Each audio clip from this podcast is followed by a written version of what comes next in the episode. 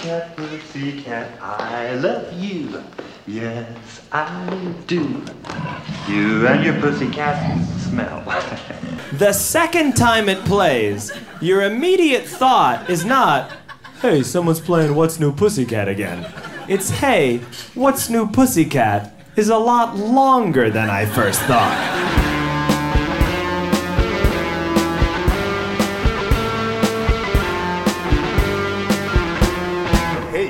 Välkommen till Demonpodden! Podden där vi nu för tiden talar om två filmer som är varianter av samma historia. Jag heter Kalle Färm och med mig som alltid har jag Björn Waller, Hej! Aron Eriksson Hallå? och Olof Ekström. Nej men hejsan. Och vi är här ikväll för att tala om kattfolk. Kattfolk på 40-talet och kattfolk på 80-talet.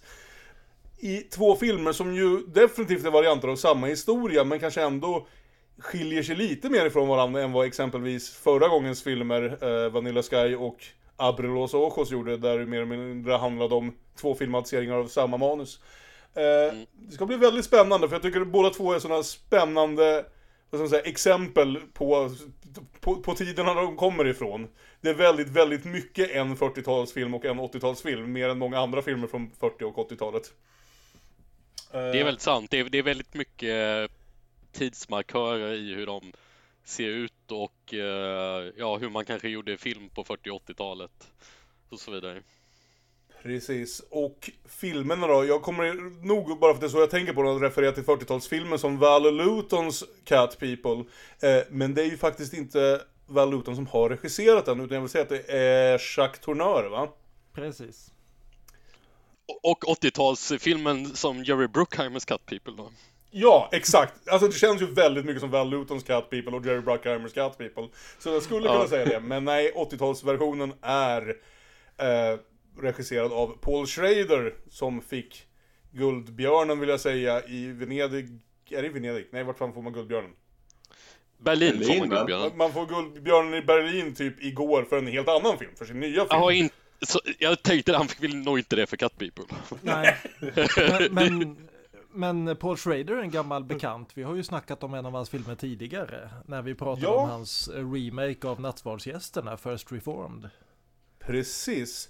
Och Paul Schrader är ju en person som jag har varit ganska fascinerad av länge. Jag tycker han har regisserat åtminstone 4-5 riktigt bra filmer och sen har han skriv, skrivit en 4-5 riktigt bra filmer till, till sin kompis Martin Scorsese också. Eh, men ska vi säga så här, att det här, eh, eftersom det är en remake så är kanske det här den filmen som sträcker, och som jag, de jag har sett ska jag säga, av Schrader som sträcker sig långt från hans vanliga tema, vilket är trauma, traumatiserad eh, man i medelåldern tar till mentalt och eller fysiskt våld eh, för att överkomma sina inre och yttre fiender. Eh, vilket är alla andra Paul Schrader-filmer på ett eller annat sätt. Den här gången så har vi både traumatiser- vi har traum trauma och vi har våld absolut, men vi har inte en man i fokus för det hela i alla fall. För, ja, vad säger ni? Det här är en sån gång där jag inte riktigt vet om vi ska ge oss på att diskutera båda filmerna samlat, eller om vi ska ta först den ena och sen den andra, för det är mycket som är densamma, men definitivt att de Mm. eh, Ja. splittrar sig en del. Helt klart kör vi dem separat. Jag menar, vad pratar Ja. vi ens om här? Det är ju typ samma historia, men de är också väldigt olika. Jag, jag tror det kan bli lätt rörigt att försöka diskutera dem ihop. Eh, så jag tycker nog att vi tar dem var och en.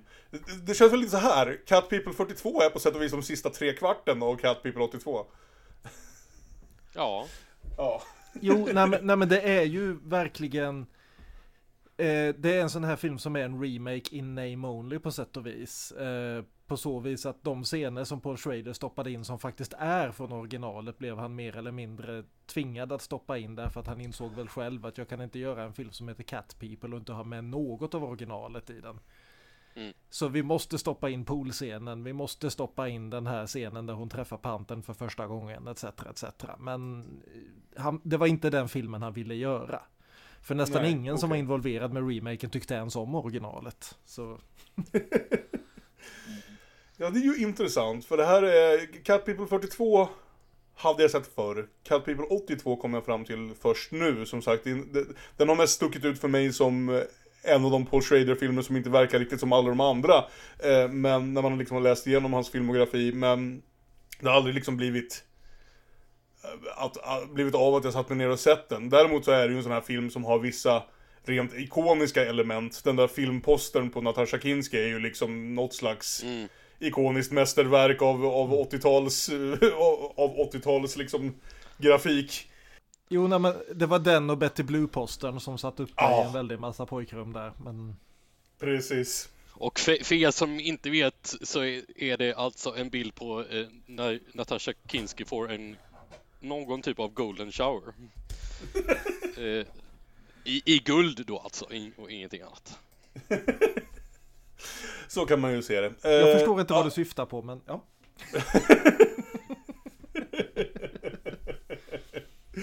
Ehm, Och, och sen ska man säga att eh, kanske får vi tillfälle att glida in på uppföljaren till Cat People, The Curse of the Cat People från 44. absolut. Som eh, oväntat nog kanske är regisserad av eh, annars eh, musikalkungen Robert Wise. Just det. Ja, det var en intressant upplevelse. Jag hann också sätta mig och se den. Så det tycker jag absolut vi ska ta en liten diskussion om på, på slutet. Men, om vi börjar 1942. Cat People 42, Jacques Tourneur och Val Luton. Jag känner att jag kanske inte är den som är bäst lämpad att diskutera Val Luton, men... Just 42 Cat People är en sån här film som jag såg första gången för en massa år sedan. Jag tror det var Stephen King som rekommenderade den i en av sina böcker som är, är liksom ett av de bästa exemplen på hur man kan skrämma skiten ur folk utan att faktiskt visa någonting. Eh, så jag såg den då och blev helt förälskad i den och har sett om den ett antal gånger sedan dess. Och det är en sån här film som fascinerar mig just för att å ena sidan så är den en så väldigt uppenbar liksom scen för, eh, liksom inte sen 40-tals skräckis på så vis att den är liksom från det sena 40-talet men skräckfilmerna var ju mer eller mindre döda 1942. Det var liksom hela den här Universal Monster-trenden hade ju mer eller mindre blommat ut. Och det här att göra skräckfilmer, det var verkligen ingenting någon tog på allvar överhuvudtaget. Det här var liksom ungefär samtidigt som Abbott och Costello började möta Frankenstein och sånt där. Eh, och jag är så fascinerad över den här filmen hur pass liksom även i sin B-films charm så är den är så eftertänksam och så lyrisk på så många sätt. Och jag liksom förstår inte hur den här filmen blev gjord. Och hur de lyckades med den så pass mycket som de gör. Den är inte helt felfri men ändå. Och sen så, min, så minns jag också att jag har sett 82 Cat People någon gång för väldigt många, må, många år sedan och inte alls tagit med mig samma erfarenheter av den även om den har sina bra sidor den också. absolut. Så nej, men jag, jag ville se om dem bägge två just för att se hur man av en så eftertänksam film gör en så som jag åtminstone som den var i mitt minne så pass schlockig film som Cat People 82. Ja men precis, och från, från det så tror jag att det vore jättebra du, du, om du bara vill fortsätta annars Björn, för jag tror du kanske är den som har bäst koll på läget. Att just beskriva Ja men det är ju en hel serie av liksom skräckfilmer här under 40-talet, de filmer som, eller de skräckfilmer som faktiskt ändå gjordes. Som producerades av denne Val Luton och jag har väl Ja. egentligen bara sett två eller tre av dem. Men jag vill ändå säga att de alltid har en, vad ska vi säga, en igenkännbar stil. Ja, och det finns en väldigt bra DVD-box man kan rekommendera som heter bara The Val Luton Box eller någonting sånt. Eh, som innehåller i princip allt han gjorde. För han var ju eh, ryskfödd producent. Född Vladimir Ivanovich Leventon. Eh, som kom till Hollywood och började jobba sig upp inom studiosystemet som, ja, assistant director och assistant det ena och det fjärde. Skälet till att han fick en karriär som producent, det berodde på Orson Welles. Nämligen på så vis att eh, RKO hade gjort eh, en liten, idag fullständigt bortglömd, bortglömd film som hette Citizen Kane. Och den här filmen hade kostat en väldig massa pengar. Och floppat så det stänkte om det. Ingen gick och såg Citizen Kane. Det var fullständigt jävla misslyckande. Ingen skulle höra talas om den filmen någonsin igen. Så för att tjäna in de här pengarna som de hade kastat i sjön på denna jävla talanglösa nolla eh, så bestämde sig RKO helt enkelt för att se till att sprida ut alla de här grejerna, göra en massa lågbudgetfilmer som vi vet kan spela in liksom åtminstone ge 40-50% avkastning. Mm. Så då fick helt enkelt Val Luton en liten ministudio för sig själv och så fick han tre stycken regler för sina filmer. Den första var att ingen av hans filmer fick kosta över 150 000 dollar. Vilket var betydligt mer 1941 men ändå inte mycket pengar alls. Det, nu snackar vi B-film, det är lågbudgetfilm det här. Eh, de fick inte vara längre än 75 minuter därför att de här skulle kunna köras som double bill på drive-ins och så vidare. Och eh, studiochefen skulle ge honom en bra B-films skräckistitel och så fick han göra vad han ville med den. Och den första filmen han då gjorde utifrån detta var en som hette Cat People. Där han då med hjälp av lite franska immigranter, framförallt då Jacques Tourneur som var oprövat kort som eh, regissör i Hollywood. Och Simon Simon i huvudrollen då som var helt oprövat, inte helt oprövat men ett lite sån här man hade plockat över henne från Frankrike och försökt göra filmstjärna av henne men hon visade sig vara lite för kantig för Hollywood-systemet så ingen visste riktigt vad man skulle göra, göra med henne. Nej precis, jag tänkte, jag tänkte just säga det att jag har sett en eh, Cat People och The Curse of the Cat People är de enda två engelskspråkiga filmer jag tror jag har sett den i. Men däremot har jag sett den i en bunt franska filmer både före och efter det här. Och det är också de enda huvudrollerna hon någonsin fick göra i Hollywood. Några år efter det här så skeppade hon eh, ganska liksom kompromisslöst tillbaka till Frankrike där hon hade en ganska lång karriär. Dog först 2005 tror jag. Och den här filmen blev en sån hit på det här. Så att eh, Val Luton då mer eller mindre fick carte blanche. Fortsatt, gör, fortsatt så, bara det här är bra. Du drar in pengar åt oss, du liksom tiodubblar din budget. Jättebra, kör. Så han gjorde eh, nio filmer till, sen fick han en hjärtattack och dog. Så det var tio filmer på sex år ungefär. Med de, då dels lite up and coming folk som eh, ja, Jacques Tourneur som ju sen gick vidare till att göra ett antal riktigt bra skräckfilmer. Eh, men även gamla trotjänare. så- Past. Ja, Ja, och, och han kom också att göra två av mina favoritskräckisar från England från lite, några år senare, nämligen Night of the Demon och eh, The Comedy of Terrors med Vincent Price. Huh. Som jag inte vet om det egentligen är en speciellt bra film, men den är kul. Men Night of the Demon är en fantastisk film, den ska man gå och se. It's in the trees. It's coming. Och även att han plockade upp eh, gamla favoriter som Boris Karloff och gav honom ett par rejält matiga roller långt efter att han hade tröttnat på att spela Frankensteins monster. Eh, så det är liksom historien bakom Val Luton och det som han gjorde det, det huset som Cat People byggde så att säga. Även om det inte stod så där jättelänge så var det att han fortsatte med det här liksom hitta, oavsett vem det var som faktiskt regisserade så var det väldigt igenkännbara filmer som Val Luton-filmer. Det var filmer som poserade som B-skräckisar men som alltid hade något eftertänksamt, något psykologiskt, något elegiskt över sig. Ja, spännande. Jättekul att höra det sammanfattat på det viset. Eh, Och jag tycker han slår an tonen väldigt snyggt här i Cat People redan från början. För det här med att börja med mer eller mindre pretentiösa citat är någonting Val Luton gör mycket. Och eh, det är ju lite speciellt här i Cat People då med så som dimman fortsätter slöjlägga dalarna så klamrar sig uråldrig synd fast vid de låga platserna depressionerna i världsmedvetandet. Från Atavismens anatomi av Louis Judd. Och vem är Louis Judd? Louis Judd är ju en karaktär i filmen och det är ju garanterat Val Luton som har skrivit det här citatet. Nej, nej det är det inte. Det, det är inte Val Luton, det är faktiskt Sigmund Freud som har skrivit det där.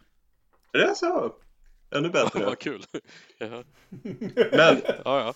Men det spelar ju jävligt väl med eh, Cat Peoples idé att det inte är vi åker till Östeuropa och 200 år bakåt i tiden och träffar Dracula och Frankenstein. Utan den här Cat People-myten vaknar idag i, på Manhattan. Det är atavismens anatomi. Ur Irena Dubrovna, en ung serbisk invandrare till USA som försöker slå sig fram som modedesigner. En dag stöter hon ihop med en väldigt, väldigt amerikansk man.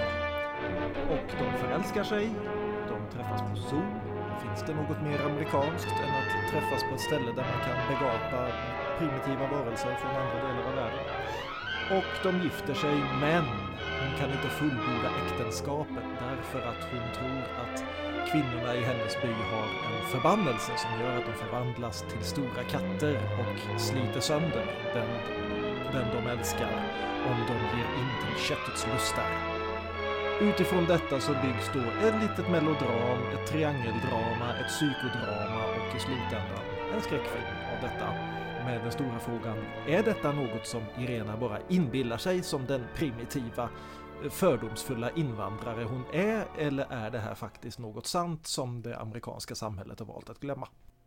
Yes, precis. Och jag tror första gången jag såg den här filmen, för det här var nog bara andra gången i och för sig, men jag kommer ihåg första gången att jag var förvånad över just hur, det här du säger Björn, hur mycket av den här filmen som ändå framförallt är något slags psykologiskt triangeldrama eh, i första hand och sen med lite skräckfilm som börjar mer och mer krypa in från kanterna någonstans. Men det går ju väldigt långa bitar av den här filmen som man skulle kunna titta på och inte förstå att vi liksom någonstans ändå jobbar i skräckgenren. Något som The Curse of the Cat People tar till en ännu mer absurd gräns. Mm. Eh, och det tyckte jag, första gången blev jag nog lite överrumplad av det här och visste liksom, fick inte riktigt grepp om filmen. Men nu när jag visste vad jag gav mig in på så uppskattade jag det verkligen. Så jag kände jag hade mer utbyte av filmen den här gången. Jag älskar den kanske inte riktigt fullt så mycket som du gör, men den är otroligt intressant just i det här som du säger va, att man märker att någon, och i det här fallet av Val Luton, har fått carte blanche att använda de bredaste möjliga ramarna för en skräckfilm för att sen få göra precis vad det var han kände för. För den har inte alls den känns inte alls lika förutsägbar, inte lika simpel som ändå ganska många skräckfilmer från den här eran är, hur mycket jag än tycker om många av dem. Om vi säger, den, den simpla varianten av den här filmen hade ju varit en man, en man, vad heter det, gifter sig med en kvinna som långsamt förvandlas till ett monster och sen så behöver monstret besegras. Ja. Jag är på, jag ska säga det i det här triangeldramat, jag är på Irene, Irenas sida i stort sett hela tiden medan jävla Oliver och Alice blir jobbigare och jobbigare ju längre filmen går. Och vidrigare och vidrigare mot henne. Vilket jag inte vet om det var meningen att man ska tolka det på det viset. Eh, men det var i alla fall den tolkningen jag gjorde den här. Nej, det kan man verkligen fundera på, men jag håller helt med dig om det. Och det, det känns ju intressant att väldigt mycket av filmen är det här triangeldramat som eh, att, att det är just eh, Oliver och eh, vad heter hon, Alice. Väldigt, väldigt mycket av filmen spenderas på att, att höja upp, eller åtminstone att de höjer upp sig själva till, till det normala som, som stöter ut Irene, Irene i, i kanten och tvingar henne ut i det här eh, eh, skumma marginalen och det är också hela den här grejen om att Oliver är den här eh, extremt stela ingenjören, det här vi har den här moderna sifferbaserade världen, hela de här scenerna där han och Alice sitter hela dagarna på jobbet och rabblar siffror till varandra samtidigt som de flörtar med varandra också då såklart. Eh, är ju också ganska talande för, för en eh, som filmen målar upp den, den, eh, den stela, moderna, sifferstyrda världen som är egentligen ganska onaturlig kanske. Är det verkligen mm. Eh, Irene som är så, eh, så himla onaturlig? Jag känner någonstans att Val Luton lite, vad heter det, förkastar och har lite agg gentemot hela den här generationen som, som Oliver liksom tillhör, som den här mellankrigsgenerationen. Som, det finns till och med en scen där typ, vi sitter och tänker bara Nej, det har nog aldrig hänt något riktigt jobbigt för mig förut. Jag vet inte. Det har, det har gått ganska ja, lätt det. det här. Ja. Jag tycker det är en chockerande sympatisk scen från Oliver. Och jag tycker det är någonting filmen gör bra att Oliver och Alice är ändå sympatiska på sitt sätt. Just den här monologen som Oliver har att jag har aldrig haft en dålig dag tidigare. Och just hur hjälplös han är då när saker börjar skita sig. Tycker jag är en sympatisk Oliver-stund. You know, it's a funny thing. I've never been unhappy before. Things have always gone swell for me. I had a grand time as a kid. Lots of fun at school, and here at the office with you and the Commodore and Doc. That's why I don't know what to do about all this. I've just never been unhappy. Ja, jag håller med. Det är, inte hans, det är inte hans värsta stund på något sätt, men det är väldigt talande för vilken typ av ka- karaktär han är. Eh, och hur, hur, vad ska vi säga, ja men sagt, hur equipped han är att hantera en krissituation när den väl uppstår liksom. Eh, även om han ju förmodligen aldrig, eh, eller åtminstone inte förrän precis på slutet faktiskt tror på, vad ska vi säga, att det finns någon, någon kattmagi som håller på att ta över hans fru. Utan väl mer liksom tenderar att luta sig mot, mot de psykologiska förklaringarna. Nej, nej, och jag tycker det är så fascinerande i den här filmen att det finns egentligen i en film som, som du säger Kalle, så lätt hade kunnat bli en vanlig monsterfilm. Liksom att man sitter bara och väntar på ögonblicket när Irene eh, via någon sorts väldigt, väldigt tafflig eh, specialeffekt ska förvandlas till en katt framför våra ögon. Och det gör filmen aldrig. Utan istället så spelar den den här historien ganska rakt och under det här så lyckas den spela upp inte mindre än två stycken ganska starka metaforer. Liksom att det är uppenbara att filmen handlar om sex. Vilket de inte kan säga öppet därför de pratar, de pratar om embrace och de pratar om att liksom be a proper wife och så vidare och så vidare. Men det, är ju- det går ju inte att missa vad de pratar om. Vilket Nej, nej, och jag skulle vilja säga att de är... Luton fick verkligen dansa tådans med sensorerna för att få igenom den här filmen. Exakt, ja, den är oväntat öppen med vad det är det faktiskt handlar om för att vara en Ja. film. Sen, sen så kommer vi ju se vad som händer när, när det inte finns några censurregler längre 40 år senare. Men sen samtidigt så är det också en, en berättelse om en kulturkrock. Om det här samhället som är som är framförallt genom Oliver då så fullständigt avfärdar all den, liksom, allt det bagage som Irena kommer med. Det finns, det har, gjordes tydligen en bortklippt scen som där Irena och kvinnorna i hennes by gaddar sig samman som pantrar mot nazisterna när de kommer och besätter den här byn 1940. Och att det är därför hon har flytt till USA. Det, det visade sig inte riktigt passa i filmen, och- eller så var det att ja, men det var ju inte krigen så de ville inte ta i den potatisen. Men det är liksom hela tiden det här att hon kommer dit och försöker liksom förklara sin situation och allt hon får tillbaka, inklusive av mannen hon älskar, är ha ha ha ha ha.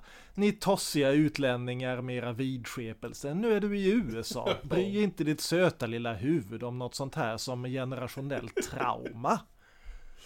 Och allt det där USA finns vi, med i i USA är vi filmen. moderna. Ja, och, och det här är ingenting som filmen hade behövt göra alls. Det här är ingenting som filmen nödvändigtvis brydde sig om på 40-talet.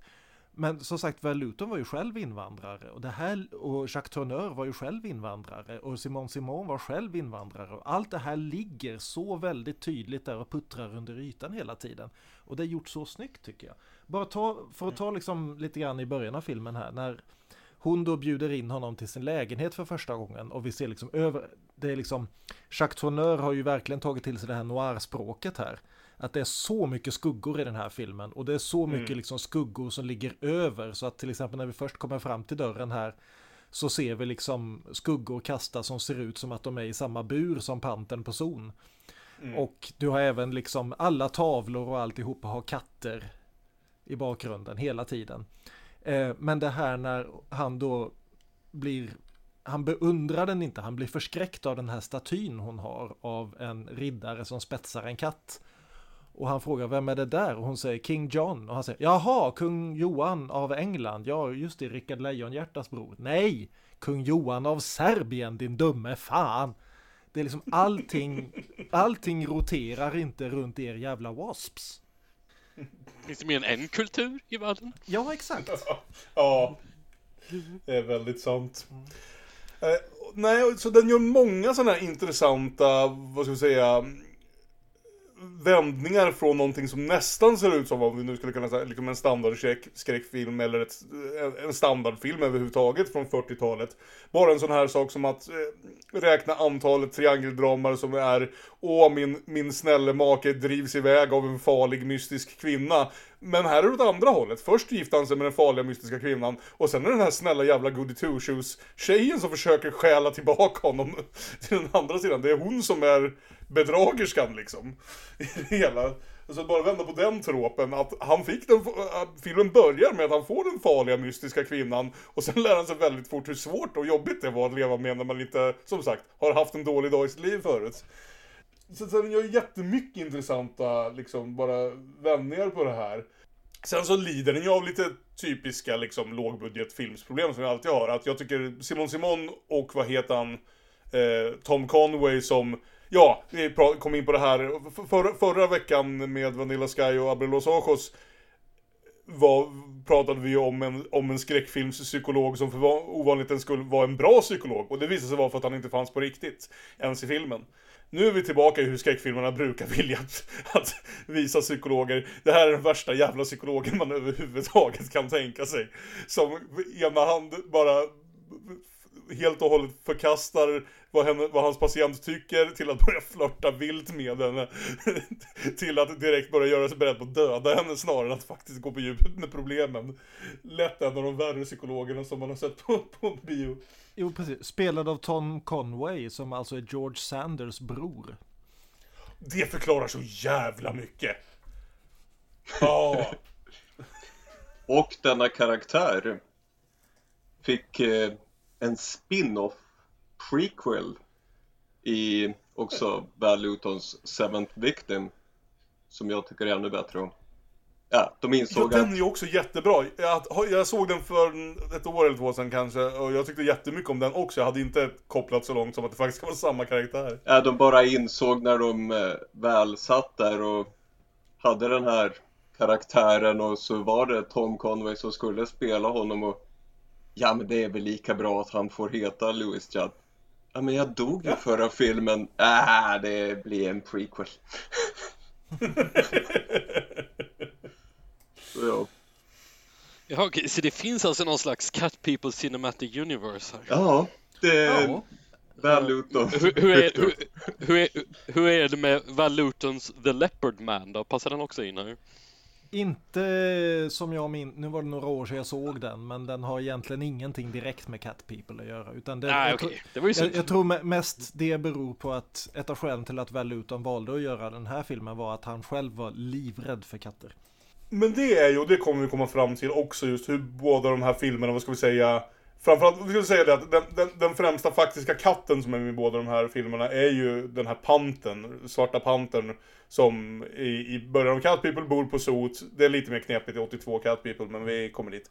Eh, och båda filmerna lyckas ju filma de här jävla djuren på så fascinerande sätt. De ser ju helt otroligt både skrämmande och vackra och allting ut va. Så man verkligen någonstans förstår den här kopplingen. Bortsett, bortsett från att i 82-filmen är det ganska uppenbart eh, pumor som de har färgat svarta därför att de, de vågade inte träna en svart panter. Vilket filmen också förklarar varför man kanske inte skulle vilja. men, men, när vi ändå snackar skådisar här som vi känner igen. Eh, mm. När, när ja. vi kommer till eh, det här kontoret som då Alice och Oliver jobbar på.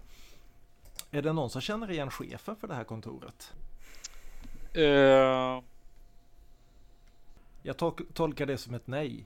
Det är ju Alan Napier som spelade Alfred i uh, Batman-tv-serien 20 år senare. Jaha. Vad fan är han här? Ah, ja. Mm. ja. Han fick okay. mer smak på Catwomen.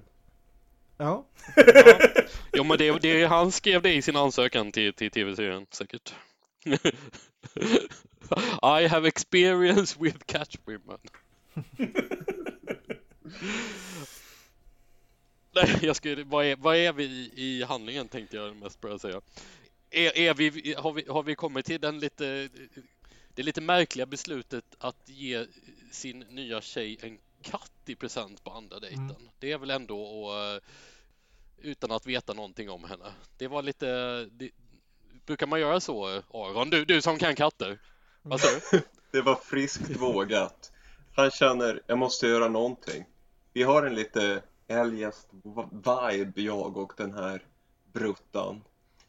Vi kommer inte att ligga med varandra, vi kommer inte att pussas. Jag ger henne en katt. Ja. Vad gör man inte? I give you some pussy and you decide what you wanna do. ja, och...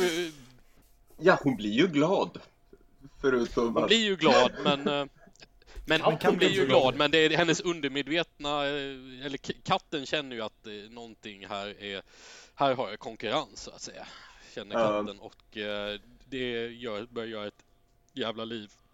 But Landy, dearie me, you can't fool a cat. They seem to know who's not right, if you know what I mean. Katter tycker ju ofta om människor, men inte andra katter. Och Mm. ja, den gillar Alice. Den gillar inte Irena. Nej, så de, hon får byta ut den mot en kanariefågel. Och det kan man ju verkligen fråga sig liksom, kostar det verkligen en kattunge och en kanariefågel precis lika mycket? Men det är klart hon fick väl med buren på köpet antar jag. Ja, precis. Det jämnar nog ut sig i 1942 pengar. Det jämnar nog ut sig i 1942 pengar. Ja, det var en helt bisarr vild värld. Det var lite en John Wick-ekonomi. Man la fram ett mynt. Så, man, liksom, man, man betalade med mynt, ibland bet, hade, hade, man bara med sig en sköldpadda till, till, till affären som man växlade in mot mjöl och socker. Och så. Ja. Det var så det var på 40 Nej, det var Turtles-filmen, Olof. Håll reda nu. ah, ja, alltså, jag, jag är helt förvirrad efter det avsnittet. Ja. Um, jo, men hur, hur, som helst så förälskar de sig ju. Vi får ett litet... Det, det, det, är lite en sån här grej som, som sagt, filmen är 72 minuter lång så det finns inte tid för en massa såna här liksom tids, tidsmontage utan man får väl tolka fram att det har hunnit gå några månader över, den, mm. över första akten liksom. Det tror jag. Mm. Fast jag tycker också det verkar i dialogen som att det faktiskt inte har gått tid. Som att de nämner det. Mm. Ja, det är ju konstigt för att göra det här så snabbt. Men jag älskar dig. Ja. ja. I och för sig så känns det ju som att de aldrig riktigt har hunnit lära känna varandra innan, innan de gifter sig. Det gör det ju. Mm. Och att de fortfarande inte vet eh, så mycket om varandra. Men, men eh, jag tänkte nog att det kanske har gått en del tid och att orsaken till att de inte har lärt känna varandra är att Oliver inte är en så himla bra lyssnare. Nej, precis. och också att han, mer, att han mer eller mindre går och väntar på att eh, han droppar väl en del hint som att i USA när två människor är kära med varandra då äh, pussar de varandra. Eh, och det har inte hon gjort och det är då hela den här grejen kommer med att kvinnorna i hennes by är har varit häxor och de förvandlas till katter om de äh, pussar äh, mm. den, den de älskar. Och han skrattar bort det här, men det här är ju Amerika, sånt händer inte här. Och han säger meningen som sätter upp Curse of the Cat People, nämligen Those fairy tales, you can tell them to our children, they'll love them. Och det gör hon mm. i Curse of the Cat People. Precis, eh, vilket ja, då, inte han gör, men Mm. Nej, nej precis. Eh, som sagt, ehm, de säger ju, pratar, vi pratar ju inte om sånt rätt ut på film 1942, men jo, Oliver ger väldigt starka oskuldsvibbar här, det får man ju säga. Han är så glad när han har hittat en, en sexig serbisk kvinna att få, att, att få dela sitt liv med. Och eh, besvikelsen är ju påtaglig och det är klart man kan, kan förstå den frustrationen, men den lämnar honom ju, får honom ju inte att verka som den mest förstående av män i det här. Samtidigt så, såklart, om det om, om, man, om man började dejta en tjej som inte vill ligga med med förklaringen mitt folk säger att jag kommer bli en stor katt då. så kanske man ändå skulle vilja ha en diskussion eller två till om det. Ja. Mm. Men hur som helst så gifter de sig. De har en middag på en serbisk restaurang. Och mitt i den här middagen så plötsligt kommer en väldigt intensiv svartklädd kvinna som någon redan har sagt, Alan Napier faktiskt har sagt, hon ser ut som en katt. Eh, kommer fram till henne och kallar henne för syster. Moja sestra. Mm. Och när hon inte får någon reaktion så bara går hon. Eh, som katter gör. Och det här är ju en återigen det här att sex är en uppenbar metafor i den här filmen. Men även sexualitet ligger ju där. För den här, scenen, ja, den här scenen gjorde väl Luton väldigt medvetet som att du ska kunna tolka den som att hon kanske är gay. Och för mm. moderna ögon är det också väldigt lätt att tolka det, hon kanske är ace.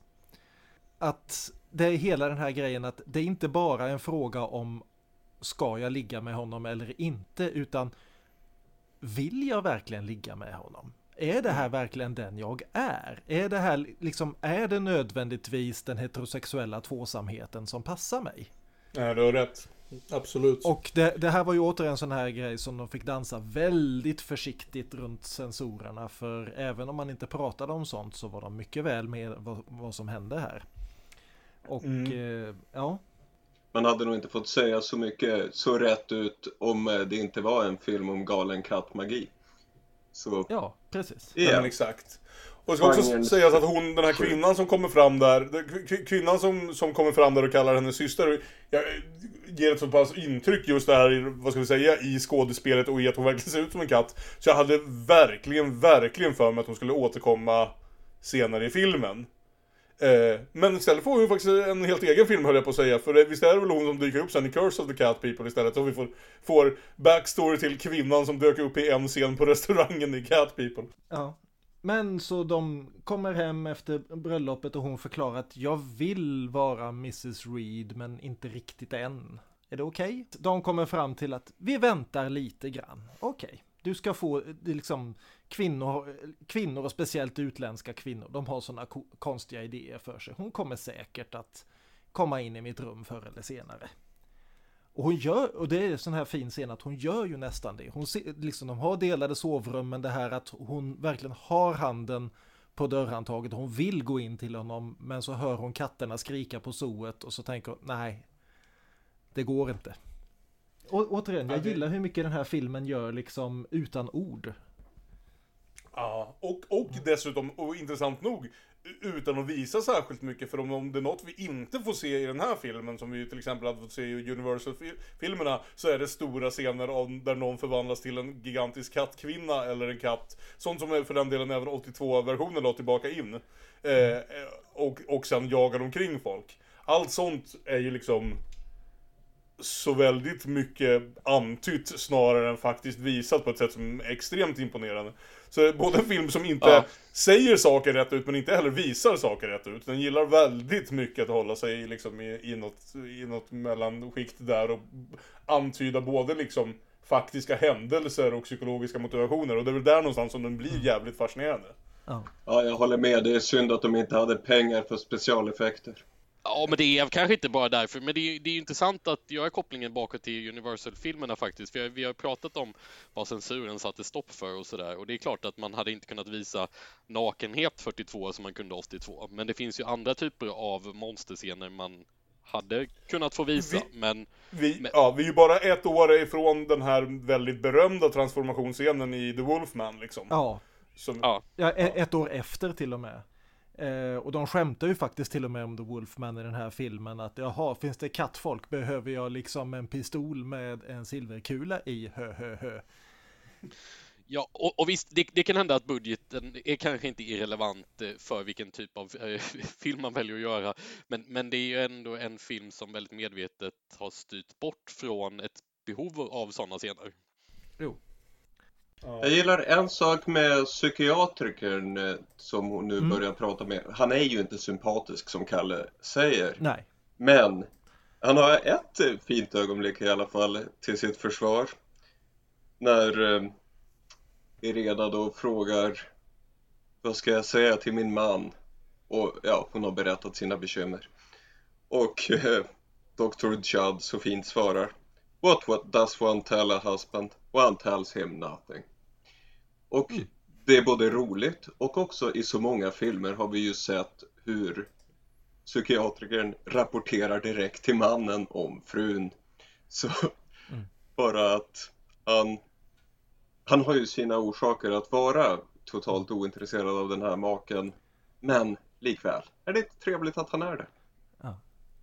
Och istä- istället så är det ju maken som springer och kallar för Alice. Att hon går till psykiatriker och allt det här, vilket Irena tar väldigt illa när hon upptäcker det här.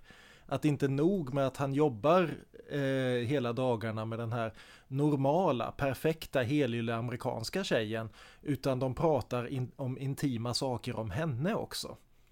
Det är ytterligare, är- en, ytterligare en sån här gaslighting-grej, att hon verkligen får känna sig ut, som tredje hjulet i sitt eget äktenskap. Ja, den är Alice alltså. Det är ju ett intressant förhållande just därför att man så väldigt sällan Särskilt på den här tiden, men fortfarande ärligt talat ser du vet, ett, vad som i alla fall börjar som ett rent kompisförhållande mellan en, en man och en kvinna i samma ålder någonstans liksom. Eh, för man, man ställer ju frågan direkt om, om, om varför de inte har kommit på hur förtjusta de är i varandra förrän hon kommer in i bilden. De har uppenbarligen känt varandra i hur många år som helst liksom och trivs bra ihop. Och, men det krävs ju det här lilla konflikten eller det här dra dramat med hennes, med, med, med hans nya fru som eh, verkar knäpp för att de liksom någonstans ska ty sig till varandra på det här sättet.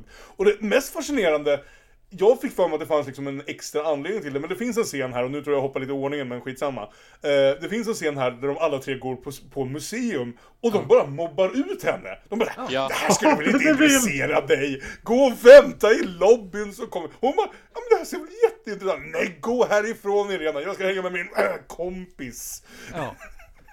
Men, men det, de, de är så fruktansvärt vidriga mot henne där någonstans. Och Ja. det, jag tror det var den scenen som fick liksom verkligen hookade in mig på det här att ah, Val Luton är inte så förbannat förtjust i Oliver och Alice han heller.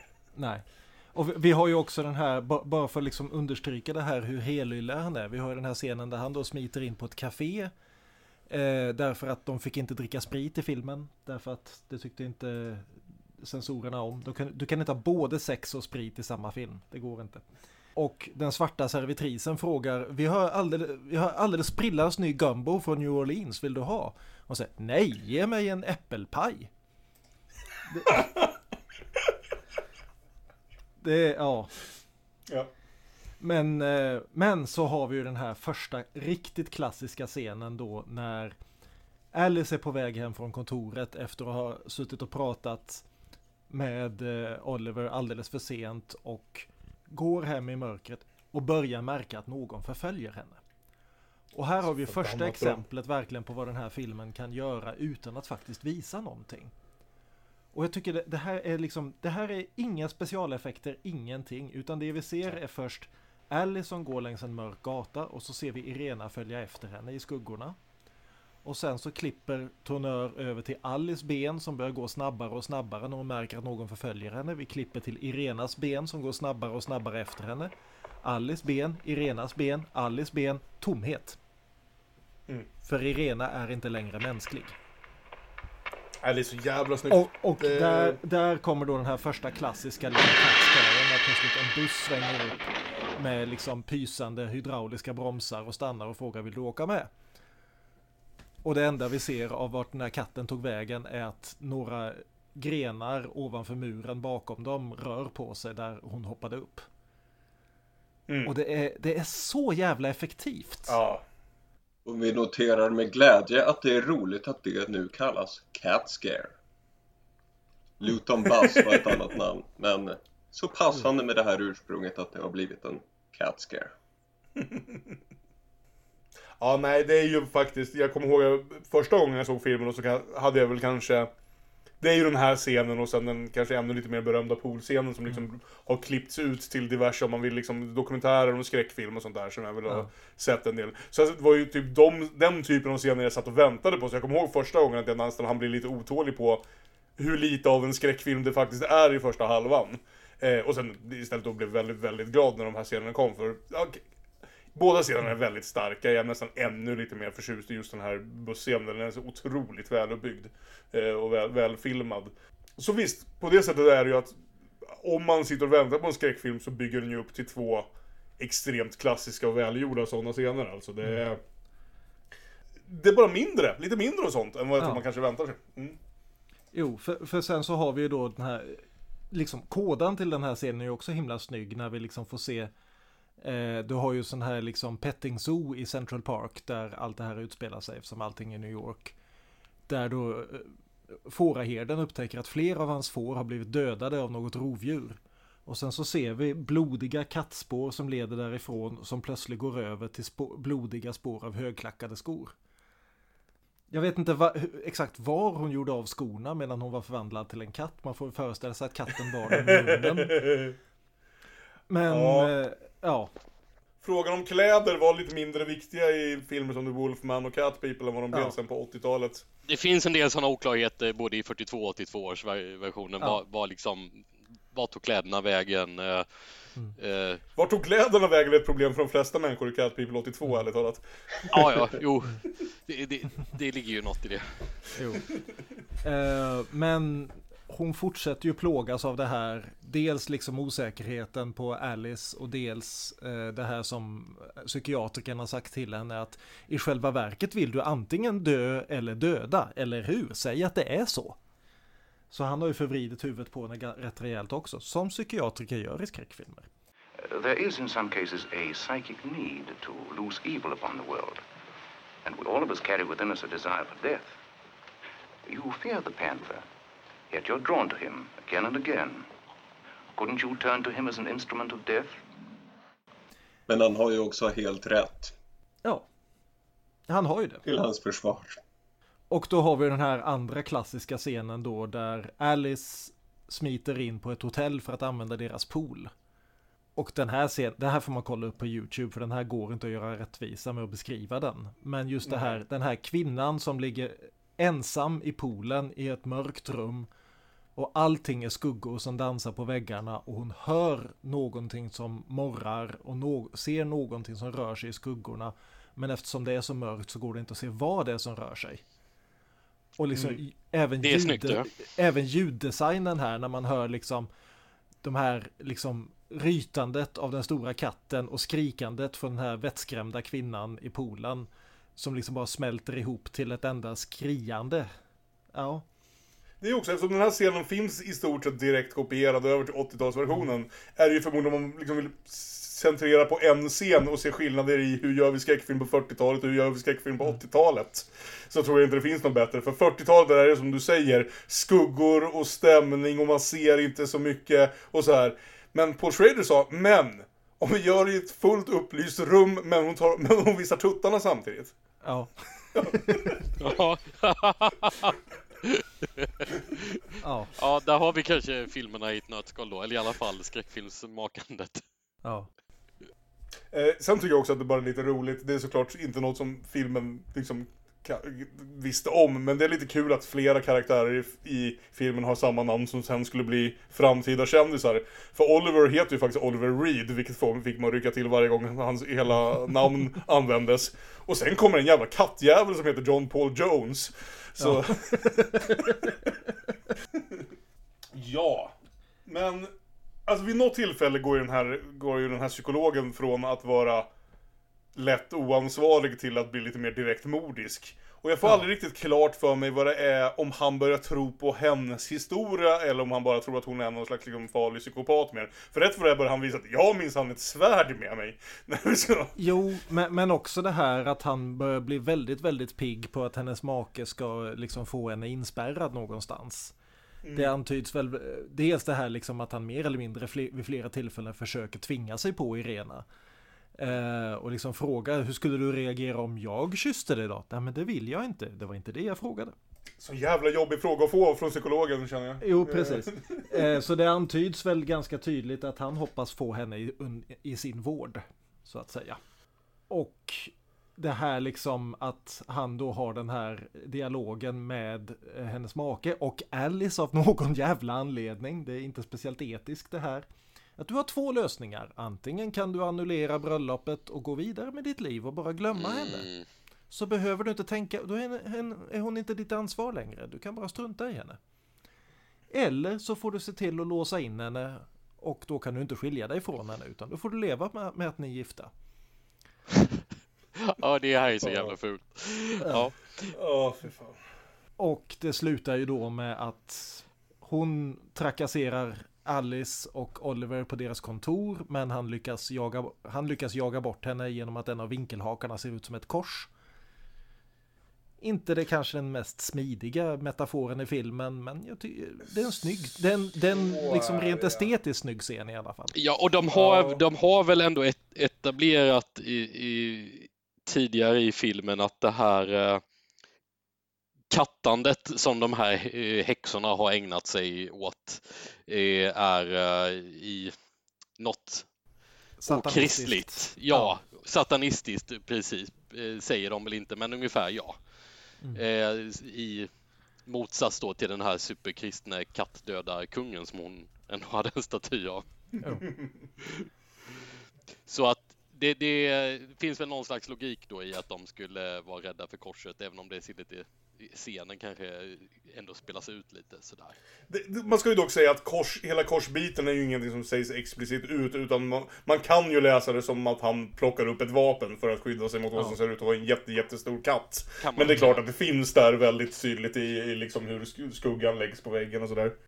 Mm. Jo, så istället när hon inte kan komma åt de två så springer hon hem och där väntar ju psykiatrikern.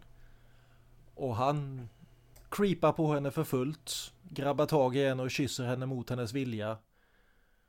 Någonting händer, han backar i fasa, slår sönder lampan medan han drar sin svärdkäpp.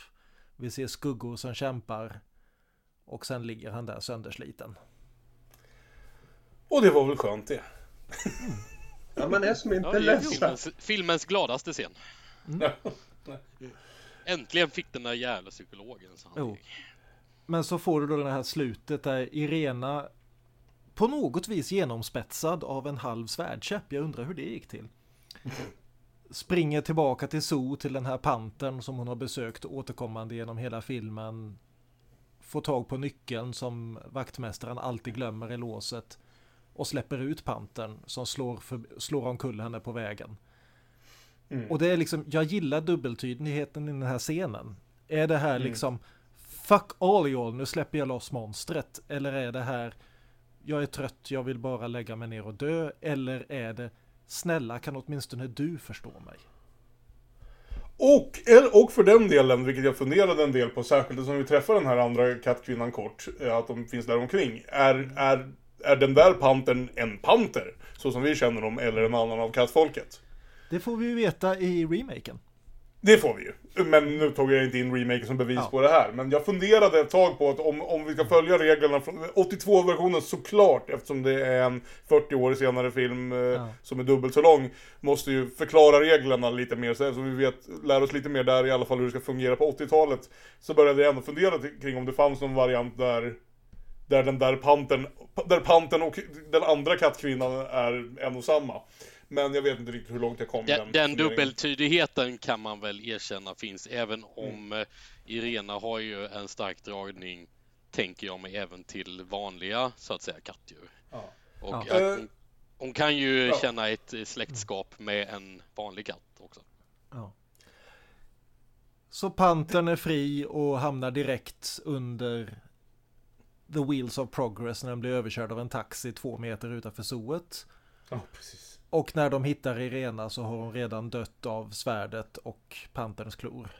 Det är nog så fruktansvärt sorgligt det här att den här pantern liksom byggs upp genom hela filmen som en sån, som, som sagt, både som en sån Dels som ett potentiellt monster men också som en sån liksom ren naturkraft någonstans va, av liksom naturens vrede och allt vad det ska vara liksom eh, sådär. Och så liksom hoppar den över en mur och blir direkt påkörd av första bästa bil och så det är klart liksom. Ja. så fruktansvärt sorgligt. Vilket såklart förmodligen är vad som skulle hända. Men faktiskt, ja. men...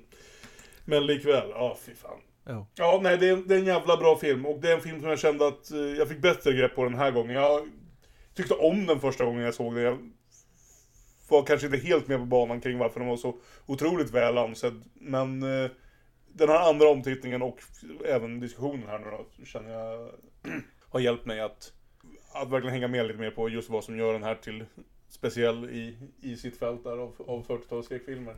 Mm. och som sagt, sen är det ju alltid så otroligt skönt att se en film som lyckas vara komplex och snygg och allt det här men ändå veta att, att filmer är väldigt, det är väldigt trevligt ibland när en film är 73 minuter lång.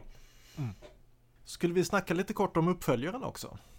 Jag tror vi tar det här innan pausen faktiskt. Ja. För det är ju kanske den mest bisarra skräckfilmsuppföljare jag någonsin har sett i det här att det verk... Alltså, en, ena sidan av mig får mig att tänka att ja, men någon hade ett annat manus, det här som man vet har hänt ibland i vissa fall, och så skrev de om det för att, eh, för att vad heter det, passa in i fran en franchise eller liksom passa in som uppföljare till en redan populär film. Eh, berömt liksom hur Die Hard 3 var ett helt annat manus och sen bestämde sig någon för att skriva in John McClane och då fick de göra det liksom. Men, men den är ju samtidigt så byggd kring just de här karaktärerna vi känner mm. från första filmen, Oliver och Alice. Och det är så mycket samma människor både bakom och framför kameran. Så jag tänker att det inte kan vara så. Men det är ju sällan man ser liksom en uppföljare till en film som är hälften triangeldrama, hälften suggestiv skräckis. Som ett, är ett drama om barnuppfostran. Och två, inte en skräckfilm. Och tre, knappt, jag tror, har en katt i första scenen för att göra kopplingen klar, men sen inte har några fler katter. Men det är en så sjukt obehaglig film. Jag tyckte den var jättebra. Jo, ja, men en den, så jo, totalt annorlunda film. ja, men den, den, den är... Nej, Den är inte alls dålig, men, men, Nej. men eh, jag har... Den skapar ett extremt obehag hos mig. Att, att allting är så här eh, himla skevt genom hela den här filmen. Ja. Eh, det, det, det är så jag menar, på, på ett eh, liksom sätt som inte ens eh, första Cat People lyckas med, men kanske, kanske försöker. The Curse of the Ja. Cat People gör det ännu mer. Eh, för, och Oliver Reed har ju helt spårat ur. Alltså Oliver Reed har ju gått från att vara världens sämsta make i första filmen till Irena till att nu vara världens sämsta pappa i andra scenen. Ja. Så i Ja. andra filmen, så det är kul att han är vår hjälte genom de här filmerna. Han, han håller ju fanan högt ja, i att han är sämst på det han gör. Det han gör. Och, och det, det, det är en eh, otroligt rolig sekvens. Han är så väldigt överbeskyddande mot sin dotter och i någon sekvens ska han skälla, skälla ut dotterns lärare som minsann inte förstår sig på barn för hon har inga egna barn. Och, och hon, hon, hon skäller ut honom efter notös och säger att eh, I'm a teacher, I've studied children What qualifications do you have outside of be, being a father? Ja. ja. Ja, nej men Eh. jag, jag tycker mycket om den här filmen alltså. Det är, det är så väldigt, just i och med att den inte försöker följa upp liksom hela den här kattfolkhandlingen från första filmen. Utan den känns mer som, den var ju från början inte tänkt att vara det alls, utan det var ju liksom studion tvingade honom att göra Curse of the Cat People. Eh, Originaltiteln var Amy and her friend. Ja, okej. Eh, men... Då, då, eh, var det som, då, var, då var det som jag tänkte då, att här Ja. har någon tvingat in ett annat manus i Utan det, det skulle vara liksom en sån här, är det övernaturligt eller är det bara barnens fantasi? Eh, Mm. Drama om just det här. Och ett ändå liksom förvånansvärt för 1944 mörkt drama om hur Mm. bizarr, bizarr och hur farlig barns fantasi kan bli. Men, Men också ganska förstående på den punkten. Det Ja, blir inte en sån här precis. liksom Det är det. Ja, det, det, den är så väldigt sympatisk och förstående den här filmen. Inte minst för då Irena som dyker upp igen som ett spöke. Och verkligen får det, om man i första filmen var lite osäker på om filmen tar liksom hennes parti så gör den det ju absolut här. Att Ja, ja. hon, för, Och- hon ja. förtjänade inte detta men hon försöker liksom göra det bästa av det efterliv hon har fått. Och liksom det här vänskapen som byggs upp mellan henne och då Alice och Olivers dotter är ju riktigt fin. Hela den här biten med som följer upp på det här som är en sån här grej som sen skulle liksom börja dyka upp i skräckfilmer på typ ja, 90-00-talet. Jag menar Buffy är ju bra exempel, liksom hela den här grejen med, med liksom kvinnor som vandrar med monster. De här liksom gränsvarelserna som hjälten som kan ta, dra nytta av mörkret. Mm. Eh, att Irena får liksom symbolisera den här den här förbannelsen som inte bara är till ondo. nej, precis. Och eh, ja, nej, men jag tycker väldigt mycket om den här lilla filmen och det är, Ja. den, är den är så vackert gjord också. Som sagt, det är jag, jag fann den djupt fascinerande just i det här att jag inte visste alls vad jag skulle få. Alltså jag hade hört folk prata om att det var en väldigt ovanlig uppföljare någonstans. Men jag trodde väl ändå någonstans att en film som heter The Curse of the Cat People skulle handla alls om The Cat People. Eh, vilket den ju inte gör. Och jag menar inte det som en besvikelse, jag menar bara det att jag blev helt fascinerad i att, att jag aldrig sett en skräckfilmsupplev, liksom uppföljare som är, som är liksom ett barnfokuserat drama förut. Eh, För det, är en, det är en logisk uppföljare också på sätt och vis. Alltså i, i, inte minst om man följer uh, pappakaraktären och hur hans inställning som han hade till Irena, hur, hur han för över den på, på sitt barn och hur hans Ja. inställning hela tiden är att ja, det kanske är något övernaturligt som händer här eller så ljuger du för mig. Men vet du vad, jag bryr mig faktiskt inte. Nu vill jag bara att du ska vara normal här. Ja. Och, och nu ska du säga normala saker till mig. Men pappa, det är inte normalt här där vi bor. Jo, men nu ska du säga normala saker till mig för vi är en normal familj. Och ba- bara detta att de bor i Sleepy Hollow, om vi snackar liksom amerikansk mytologi, så ja. Ja, precis.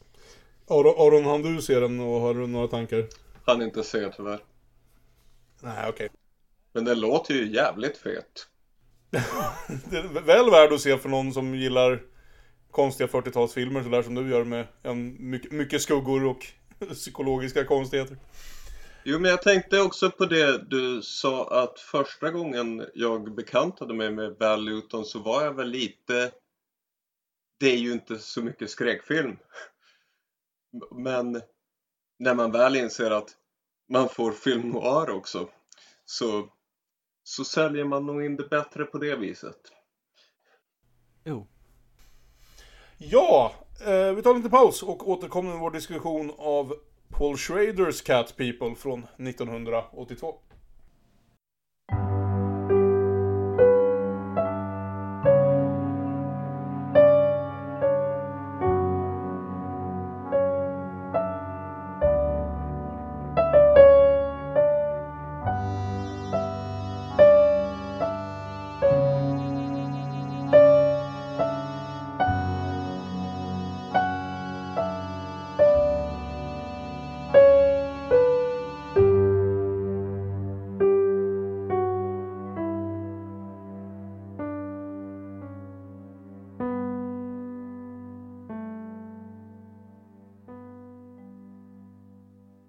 Ja, eh, då hoppar vi 40 år framåt i tiden från 1942 och kommer till 1982 som nu är för 40 år sedan.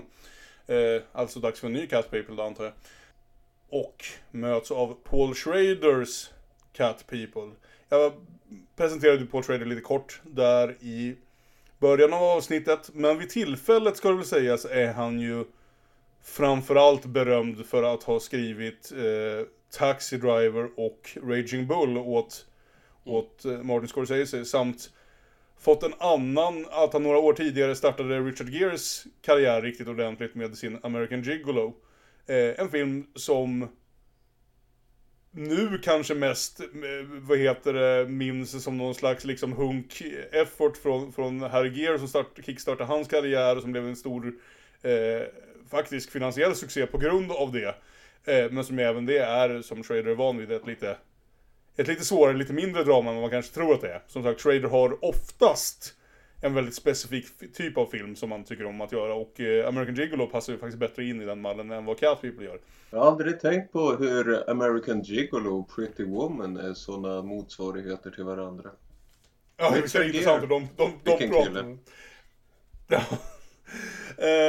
Och eh, vad heter det, är i alla fall filmen som ger honom möjlighet att eh, ge, få ett försök att spela lite i de större ligorna och lite mer på, vad ska vi säga, de stora studiornas villkor. Så han får chansen att göra en hyfsat välbudgeterad skräckfilm som är en uppdatering av den 1942-filmen vi precis pratade om. Med musik av David Bowie, eh, kanske mest berömt, och som sagt eh, en filmposter som gått till historien mer än filmen i sig. Och Giorgio Moroder ska väl läggas till. Det är ju det här att när jag såg förtexterna på den här filmen så började jag skratta därför att de två creditsen som kommer upp tror jag direkt efter varandra är Produced by Jerry Bruckheimer och sen Score by Giorgio Moroder. Och jag tänkte att det här är så 80-tal vi någonsin Ja. kommer bli liksom. Giorgio Moroder, when, when Vangelis won't pick up the phone. Och det är ju extremt mycket en 80-talsfilm alltså. Eh, med det sagt så... Jag finner den riktigt intressant. Den är inte samma liksom fullpoängare som, som, eh, som den första Cat People är. Men det är en väldigt intressant studie i just det här vad som händer när den, vad ska vi säga, ganska egen och som vi nu vet enormt mycket av en surgubbe som vill få sin egen väg igenom. Som Paul Schrader försöker jobba på en filmstudios villkor. Han har försökt det några gånger, det har aldrig lyckats helt väl. Det är liksom inte riktigt hans bästa, hans bästa gren. Det där att gå med på att försöka få fram vad en film, att, att, att, vad, hur, vad han vill ha ut av sina filmer och vad filmstudiorna vill ha ut av hans filmer är ganska sällan samma saker får jag känslan av. Eh, han försökte ju även göra en en, eh, 20 år senare försöker han ju göra en Exorcist prequel som går så helvete fel att den, inte, att den överhuvudtaget inte släpps utan bara filmas om av Rennie Harlin. En man som var mer benägen att spela på studions villkor. Ja. Har ni varit inne och läst på IMDBs trivia-sida för den här? Det är ju en hjärtskärande historia om den gode Paul. Eller ja, hjärtskärande. Ja. Berätta. Man skrattar, man gråter, man vet inte vad man ska tycka. Director Paul Schrader and lead actress Natasha Kinski had an affair during the production of this movie. Schrader fell in love and planned to propose marriage to Kinski at the wrap party, but she didn't show up and cut off all communication with him. After three months, Schrader finally tracked down Kinski in Paris, where she bluntly told him, Paul, I fuck all my directors, and with you it was difficult. Oh boy. Det, det, det, blir, det blir värre. Han dumpade sin fästmö för henne. Oh. Familjen Kinski är ingenting man vill gräva ner sig i. Det, Det, det, det, det, det, blir, det blir ännu värre. Hon jobbade med Roman Polanski innan hon var 18. åh. Ja okej, åh nej. Åh nej. Åh nej. Eh, eh, men om vi istället ska gå över till att säga något om vad filmen eh, handlar om så kanske man kan göra det ganska kort och säga att den är i, i, i någon slags grund är den väldigt lik 42-årsversionen men, men det är en lite annan setup som kan ju, kan ju vara bra att börja med att nämna. Eh, nämligen att eh, våran eh, huvudperson, vad heter hon ens i den här filmen? Hon heter Irena. Hon också. heter Irena fortfarande. Sa, Ja. Samma namn på alla karaktärer. Eh, Irena, eh, hon eh, har inte invandrat från Serbien vad vi vet, utan hon kommer resande till eh, New Orleans istället för att eh, återförenas med sin eh, sin long lost eh, bror som de skildes åt eh, vid födseln eller när de var väldigt små och har växt upp på olika i olika fosterhem och Paul har dessutom suttit eh, ja, omhändertagen på något psyksjukhus en, en större del av tiden, får vi också veta. Och de har inte känt till var, var den andra funnits och har först nu återfunnit varandra. Hon ska åka och bo hos Paul och ja, lära känna sin bror helt enkelt. Och eh, när hon vandrar runt i stan så eh, dras hon också till de stora katterna på zoo, precis som sin 40-tals föregångare och eh, får ett jobb där och eh, inleder en affär med Oliver som jobbar på SOT, är någon slags föreståndare. Och eh, ja, där någonstans kan vi väl börja. Jag gill, måste säga direkt att jag gillade, jag gillar den första halvan av den här filmen. Jag tycker den här filmen har en ganska tydlig brytpunkt där den, jag, för jag tycker den fungerar riktigt bra i första halvan och sen tycker jag den funkar något mindre bra i andra halvan även om jag aldrig liksom börjar helt ogilla den. Jag tycker det är en bra idé att fokusera den på sot på det här sättet. Att inte, istället för att de ska gå och stå i något kontor och typ hålla på och prata byggnadsskisser eller vad det är de gör eller så, så, så att, att faktiskt göra det här till en historia om sot och människorna kring sot och den här katten i buren blir liksom ganska naturligt. Eh, så det, det kände jag direkt att ja, men det här var ändå lite inspirerat. Överhuvudtaget tyckte jag, kände jag som ganska mycket av vad som händer i första halvan av den här filmen. Jag gillade just det här hur den väldigt tydligt jobbade inom Alltså var en version av samma historia som, som 42-filmen eh, Men inte, ja, men inte det här som vi såg liksom Vanilla Sky Abel Los Ojos att ja, men nu filmar vi det här manuset igen Utan att de har gjort ordentliga betydande förändringar Ja. Och såklart eftersom vi är 40 år senare eh, Förklarat lite mer, vilket kanske inte är den bästa delen Ja, och dessutom har, har mycket mera naket. Av, det, finns, det finns fem kvinnliga karaktärer som har någorlunda framträdande roller i den här filmen. Fyra av dem är nakna. Men även, även, men även våra två manliga huvudroller ska vi ju Ja, säga. Så jag absolut, menar, det är, absolut. det är equal measures. Det Ja, exponeras till höger och vänster. Ja, och det, det är ju fascinerande, just det här skälet till att de då har en manlig ett syskon till henne. Spelad av Malcolm McDowell. Eh, det, alla liksom, vår, all, den kanske mest subtila skådis som någonsin har varit med i en skräckfilm. Han är inte så subtil! Vad menar du? You want to fuck him, don't you? You dream about fucking him. Your whole body burns. It burns all along your nerves. In your mouth, your breasts. You go wet between your legs. Det tycker inte jag heller ska vara ett krav för att få vara med i en Cat People-film, att man är Nej. subtil alltså. Absolut inte. Eh, Men Malcolm McDowell, Malcolm McDowell är rakt över varenda scen i den här filmen. Jajamensan. Person, person, personligen tycker jag ju att filmen verkligen liksom tacklar av när han försvinner ur filmen. Exakt så känner jag. Men, men eh, skälet till att hans karaktär överhuvudtaget finns är ju att och det här är liksom 1982 då och det är ett gäng liksom goa grabbar som sitter och gör den här filmen men även de insåg liksom att om vi ska göra exakt samma handling idag det kommer att se lite sexistiskt ut om vi säger att bara kvinnor förvandlas till modiska monster när de har sex. Så istället så skapar vi helt enkelt en hel klan av cat people. Som alla har det här oavsett om de är män eller kvinnor. Eh, Och vet du vad? Där, Jag- Därav då Malcolm McDowell som i, alltså i princip spelar pantern från den första filmen. Bara Precis. att han är, en män, han är en människa som är en varpanter. Werewolf? There. What? There, wolf. There, castle. Men jag, jag gillar hur den här filmen bygger ut mytologin tror jag ändå. Alltså jag, det, det är helt knäppt men jag har ändå svårt att inte gilla det. Därför att... Ja, nej, eh, jag gillar det. Alltså i, i, i 82 är ju versionen är Alltså på ytan är mytologin en ganska vettig skapelsemyt alla First Slayer i Buffy the Vampire Slayer. Skrapar man pytte pytte pytte lite så är mytologin helt batshit bananas crazy. Och, och, och eh, får, får man förklara redan nu lite vad, vad den här mytologin går ut på? Kan, eh, eller är det Ja, någonting vi ska spara men det, på? vi, vi, kan, vi, vi, vi kanske börjar där ändå, för ja. För det gör visst. ju filmen. Ja, den, bör- den där jävla scenen i den röda öknen är ju jävligt coola, alltså man ser ju... De är ju det. Ja.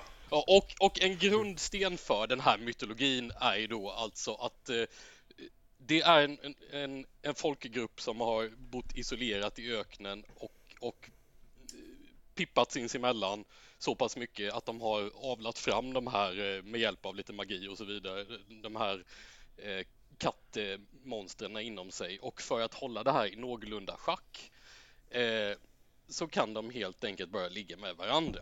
Det blir kaos om de ligger med någon utanför gruppen.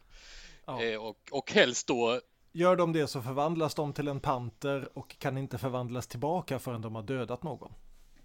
Ja, och, och, och jag, jag, an, jag, jag antar att eh, alltså det här är ju på sätt och vis lite för tidigt för att vara en AIDS-film, men jag tänker ändå att det här på något Ja. sätt och vis är en AIDS-film.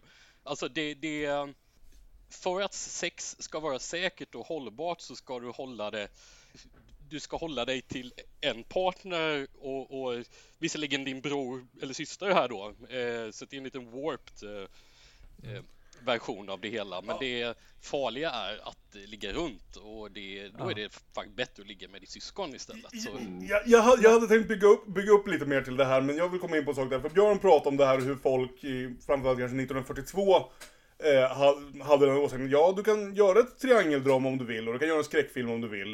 Eh, men de kan inte vara samma film. Eh, någonstans. Och jag vill säga så här, det här är min åsikt. Du kan göra en sexig film om du vill, absolut. Och du kan göra en film om incest. Jag tror inte de kan vara samma film. Du, är, du, du sitter här och dissar Stephen Kings Sleepwalkers alltså. Eh, vi säger att jag har sett apropå den. jag- varkatter. Men Ja. nej, nej men alltså på sätt och vis så kan man ju säga att det är en uppföljare. Det är inte bara en remake utan det är också en uppföljare också om, om man tänker liksom attityden till sex. Inte, kanske inte nödvändigtvis så mycket runt aids, för jag menar filmen filmades 1981. Det var lite innan det där blev allmän. Men samtidigt just runt liksom den här sexuella revolutionen på 60-70-talet. Att på 1942 kunde du göra en film om om vi släpper lös sexualiteten blir det katastrof. 1982 är metaforen snarare vi har släppt lös sexualiteten, det var en jävligt dålig idé. Ja, jag har ibland nu genom Paul Schraders filmer funderat lite kring vad den här mannen egentligen har för tankar kring sex och det Ja. andra könet. Och eh, jag vet inte om jag har så mycket gott att säga. Som sagt, det här är filmer som jag i många fall tycker om och så. Ingen av dem är helt oproblematiska. Eh, framförallt kanske just ur den, ur den aspekten. Det är sagt, man hajar till lite när man ser eh, hur eh, Irena har träffat sin bror och hur Malcolm McDowell börjar lukta lite väl intresserat. Så, så man tänker ju inte, ah, vad är det här för jävla tråkfilm? Man tänker, well hello, vad pågår nu? Det här ska jag allt hålla ett öga på. Och sen har Lynn Lowry, en skådespelare vi gillar från Shivers, en liten roll. Och vad har hon för skor? Hon har kitten heels. Se, jag förstår referenser. Ja, överhuvudtaget så vill jag, vill jag snacka om den här fantastiska casten av karaktärsskådisar du har i den här filmen. Ja, det, ja, det men är, man känner igen varenda person här. Varenda, liksom varenda karaktär här spelas av någon som, men det är ju han, den där, som var med i den där grejen. Det, det Ja, alltså vi snackar, ut, utöver Kinski och McDowell så du, du har John Hurd, du har Annette O'Toole, du har Ed Begley Jr, du har Frankie Faison, du har Lynn Lowry, du har John LaRoquette i en liten jävla. Du har Ray Wise som dyker upp som en karaktär i, på en TV. Jaha, det När missade jag. orangutangen Ah, ah. på, på zoo sitter och tittar på såpoperor och då är det Ray ah. Wise som spelar. Du, du, du, har, du, du, du, har, du har min älskade Ruby Dee som borde vunnit en Ja. Oscar för, min, för, för Do the Right Thing några år senare, men hon fick det några Som- år senare. Som, spe, som spelar Malcolm McDowells eh, hushållerska som heter Femalay. Därför att hennes, hennes mamma gav henne inget namn så de bara tog det. Men hon skrev liksom könet på fel fält i liksom födelseattesten så hon fick heta Femalay. Ja, eftersom det är New Orleans och lite franskt och sådär. Ja, precis. Ja. Ja. Och det, och det är ungefär hela den karaktären hon får som en av två svarta karaktärer i filmen i New Ja, Orleans. d- hon, hon, hon, är, hon är lite bortkastad. Jag trodde faktiskt hon skulle spela in lite mer där mot, mot slutet, men nej, det blev verkligen bara...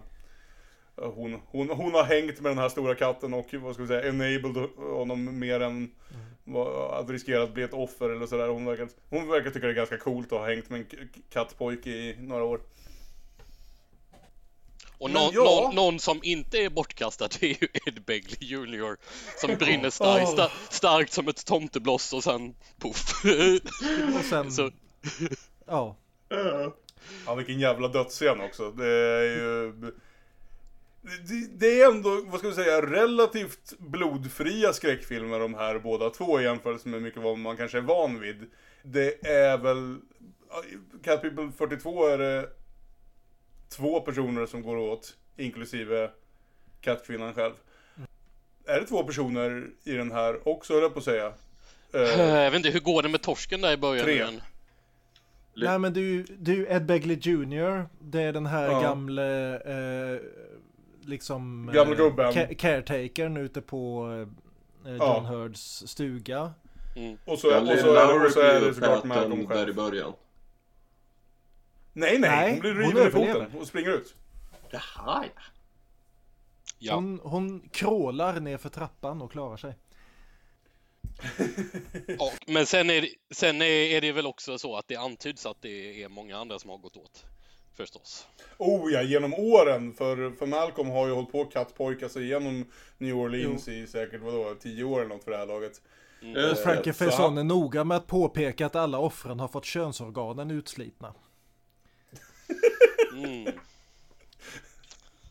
Ja. Det är så roligt, det är något så... Jag tror man nästan... Jag börjar ju nästan bara tänka på det här som liksom en sån 80-talsfilm. Både på de här uppenbart liksom visuella och liksom, som sagt, soundet från Georg, både Giorgio Moroder och, och eh, David Bowie. Eh, för, för låten Cat People som väl många känner igen från Inglourious Basterds som de aldrig, om de aldrig fått för sig, sig för att se den här filmen, eh, återkommer ju även ganska flitigt på själva soundtracket. Liksom att det är den melodin som går igenom själva filmmusiken och så vidare. Så den är så intressant både just det här visuella och hörbara som är så otroligt 80-tal i många ställen. Särskilt de här fantasisekvenserna eller vad det nu är. Historiska, legendariska sekvenserna i liksom den, den röda öknen. Men an, an, det, det, är en film som verkligen bara skriker 80-tal i allting. Alla uppdateringarna är ju som sagt till det här det finns inget minimalistiskt kvar av det vi pratade om, så liksom, om från 40-talsfilmen. Allt är väldigt maximalt vid det här laget. Ja. Eh, och det, just det gör Schrader till en sån intressant val av regissör. Jag liksom får inte riktigt ihop det i mitt huvud till hur det blev just han som, som fick göra det här tillsammans med Jerry Bruckheimer. Nej men det var väl lite grann det här att Universal hade ju den här smarta idén som de får med jämna mellanrum Hörni, vi sitter ju på rättigheterna till alla de här gamla monsterfilmerna, ska vi inte remakea dem? Det var ju samma idé de fick med Tom Cruise här om året och det gick ju som det gick. Jag snackade inte nog skit, skit om Tom Cruise sist, men ja. Jag, tro, jag trodde vi skulle få en riktig harang där vid något tillfälle, men vi kom aldrig riktigt fram till den känner jag. Jag, jag, jag säger det nu så har jag sagt det att Tom, i Tom Cruise så förlorade vi en stor skurkskådis. Han hade, om han hade nöjt sig med att spela riktiga arslen som vet att de är arslen så hade han kunnat vara en, en ja, nej men en stor skådis istället för den ganska fesjumme typ han är. Hur som helst, tillbaka till 1982. En av våra favoritpoddar gjorde ju nyligen eh, ett avsnitt om liksom hur fantastiskt ju, år just, just året 1982 var. Ja. Eh, och eh, just Cat People togs inte upp där och det finns kanske skäl till det. Men Universal, Universal som sagt fick den här smarta idén att göra två storbudget remakes på klassiska skräckfilmer de hade rättigheterna till. Den ena var Cat People, den andra var The Thing. Båda tokfloppade.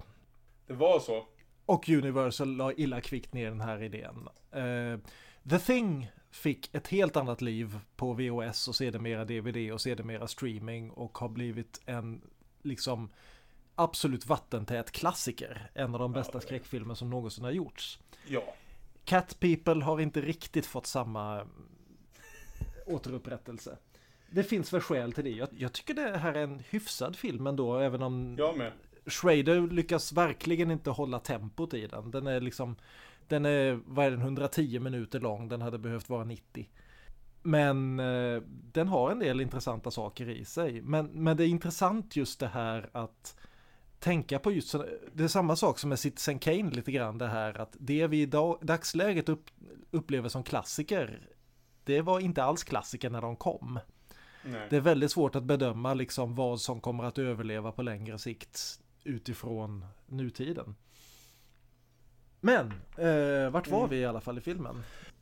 Vi presenteras ju ganska snart som sagt för kattfolkets mer nu uttalade biologi att man, li man, man, man ligger med någon så blir man en katt och sen så dödar man någon så blir man människa igen. Ja. Eh, vilket ju liksom vi först får hinta oss till genom att inse att eh, helt plötsligt försvinner Malcolm McDowells brorkaraktär ja. och en stor svart katt dyker upp istället. Och... Ja. Så, som då våra hjältar från zooet fångar in och spärrar in i en bur. Mm. Katten är en av de bästa skådisarna i hela filmen. Men den är fantastisk att titta på. Men det innebär ju också att eftersom han blir inspärrad, inte kan döda någon och inte kan återvända så är det intressant att Malcolm McDowell är med i 10 minuter i början och så försvinner han i 40 minuter igen. För att det är en ganska bra sträcka av den här filmen när den fortfarande håller på liksom försöka liksom, eh, vi, vad ska man säga, bygga upp det här ja, mysteriet om man så vill, även om det är ganska uppenbart, kring vad det är som pågår. Att den där katten sitter i den där buren på sot medan vi presenteras för alla de karaktärerna, som sagt, eh, Oliver och Alice igen, och i en liknande... De bygger aldrig riktigt upp dem som, som att den, den, biten av filmen är lite minimerad, att det här är inte ja. längre ett triangeldrama på det sättet. Det är triangeldrama igen. Det är lite det är fortfarande ändå. Alltså Irena inleder ju en, en relation med Olivers som, som mm. eh, på samma sätt som i den gamla filmen, som där Alice eh, en, är och stör lite grann.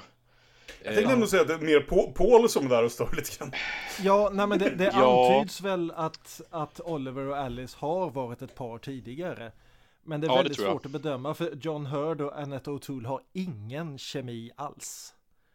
De, de verkar mest som smått irriterade arbetskamrater som måste jobba ihop på det här projektet men i själva verket aldrig någonsin skulle umgås privat. Som Nej. liksom, no, några som ska få ihop det på slutet.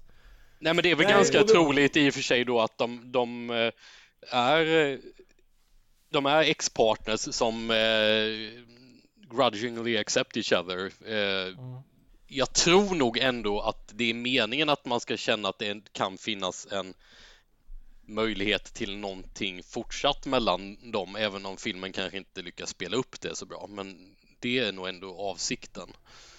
Jag kommer inte ihåg riktigt om det visas något sånt i den allra sista scenen, inte för att hoppa till slutet direkt, men eh, det kanske antyds något mer där. Jo, de är ihop på Eh, slutet. Men, ja, de är ihop på slutet, ja. Ja, Ja. okej då. Eh, ja, men hur som helst. Där, däremot så alltså, det här är ju...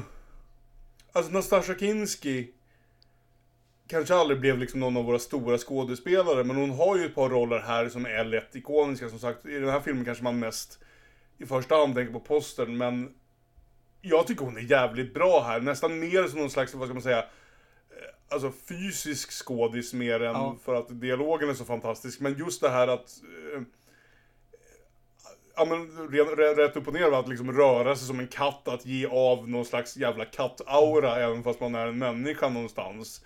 Att ha, där, hon, hon lyckas med den biten av det. För grejen är ju det att hon ska ju vara ännu mer än Simone Simon ska hon ju vara liksom mer tillbakadragen, mer försiktig, mer rädd från början över allt det här som liksom händer henne. Mer naiv. Så hon måste vara tystare och försiktigare och nästan liksom spela lite blyg i många av de tidiga scenerna. Som kan inte vara lika framåt, för en av charmen med Simone Simons karaktär är ju att hon verkar nästan lite char- charmigt framåt och liksom, eh, liksom kommer in som en storm i många rum och det är det som liksom fångar Olivers uppmärksamhet. Här är det ju liksom en helt annan kemi dem emellan och det är en sån roll som många skådespelare förmodligen hade kunnat kunna göra lite tråkig, att hon helt enkelt inte liksom eh, märks på det sättet som behövs om hon ska vara filmens fokus. Men jag tycker Kinski håller lyckas väldigt, väldigt väl med det där att vara filmens centrum samt, samtidigt som hon är en ganska passiv karaktär. Jag, jag tycker att hon funkar som allra bäst just i de här ögonblicken när liksom gränsen mellan människa och monster börjar suddas ut. Jag tycker hon är Ja. mindre intressant på så vis att den här Irena är inte lika mycket skriven som ett tragiskt monster. I, liksom, I originalfilmen så är det verkligen, vi är med på första, från första början eftersom vi vet att det är en skräckfilm som heter Cat People att, hon, att den här förbannelsen är på riktigt och vi tycker synd om henne för det här är fan inte rättvist. Medan här så har du liksom Malcolm McDowell som springer runt och är Malcolm McDowell och det är liksom väldigt tydligt från början att det här är en grej. Ja men det, det funkar inte på samma sätt. Du får inte samma sympati för just den aspekten av henne. Men just i de här scenerna som till exempel när de då åker ut till John Hurds stuga ute i Bayonne och det här att hon liksom sublimerar sin upphetsning över honom till att klä av sig naken och springa ut i skogen och jaga kaniner. Och hon, och hon börjar röra sig som ett rovdjur. Ja. Och kameran verkligen, med risk för att låta hur sliskig som helst här, därför att det är Nastasja Kinski som är naken. Men kameran verkligen fångar, liksom de här skuggorna som spelar över hennes kropp och verkligen förvandlar henne till något som inte ser ut som en mänsklig kropp längre. Och hon verkligen rör sig på det här sättet som, ja, och även samma Mm. sak senare när liksom Malcolm McDowell kommer in i hennes sovrum och hon direkt flyger upp som en katt. Alltså, så jävla bra! Alltså det finns ett par Ja. sådana ögonblick. Det, det, det lamaste av dem är ju när vi helt plötsligt går in till hennes POV och, och, kameran hoppar upp i ett träd.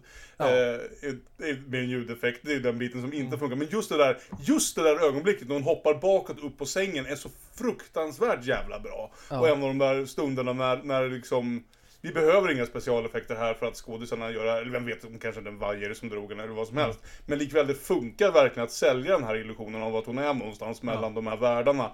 Och den använder, för ska vi säga vid det här laget så var ju liksom Kinski ut, utöver en filmaktris, liksom berömd fotomodell och sådär. Ja. Den använder ju den attraktionen hos henne, hennes karisma och hennes utseende för just att till bästa möjliga sån effekt. Att förklara varför hon har den här påverkan på människorna runt om sig trots att hon ska vara ganska timid och blyg liksom i dialogscener.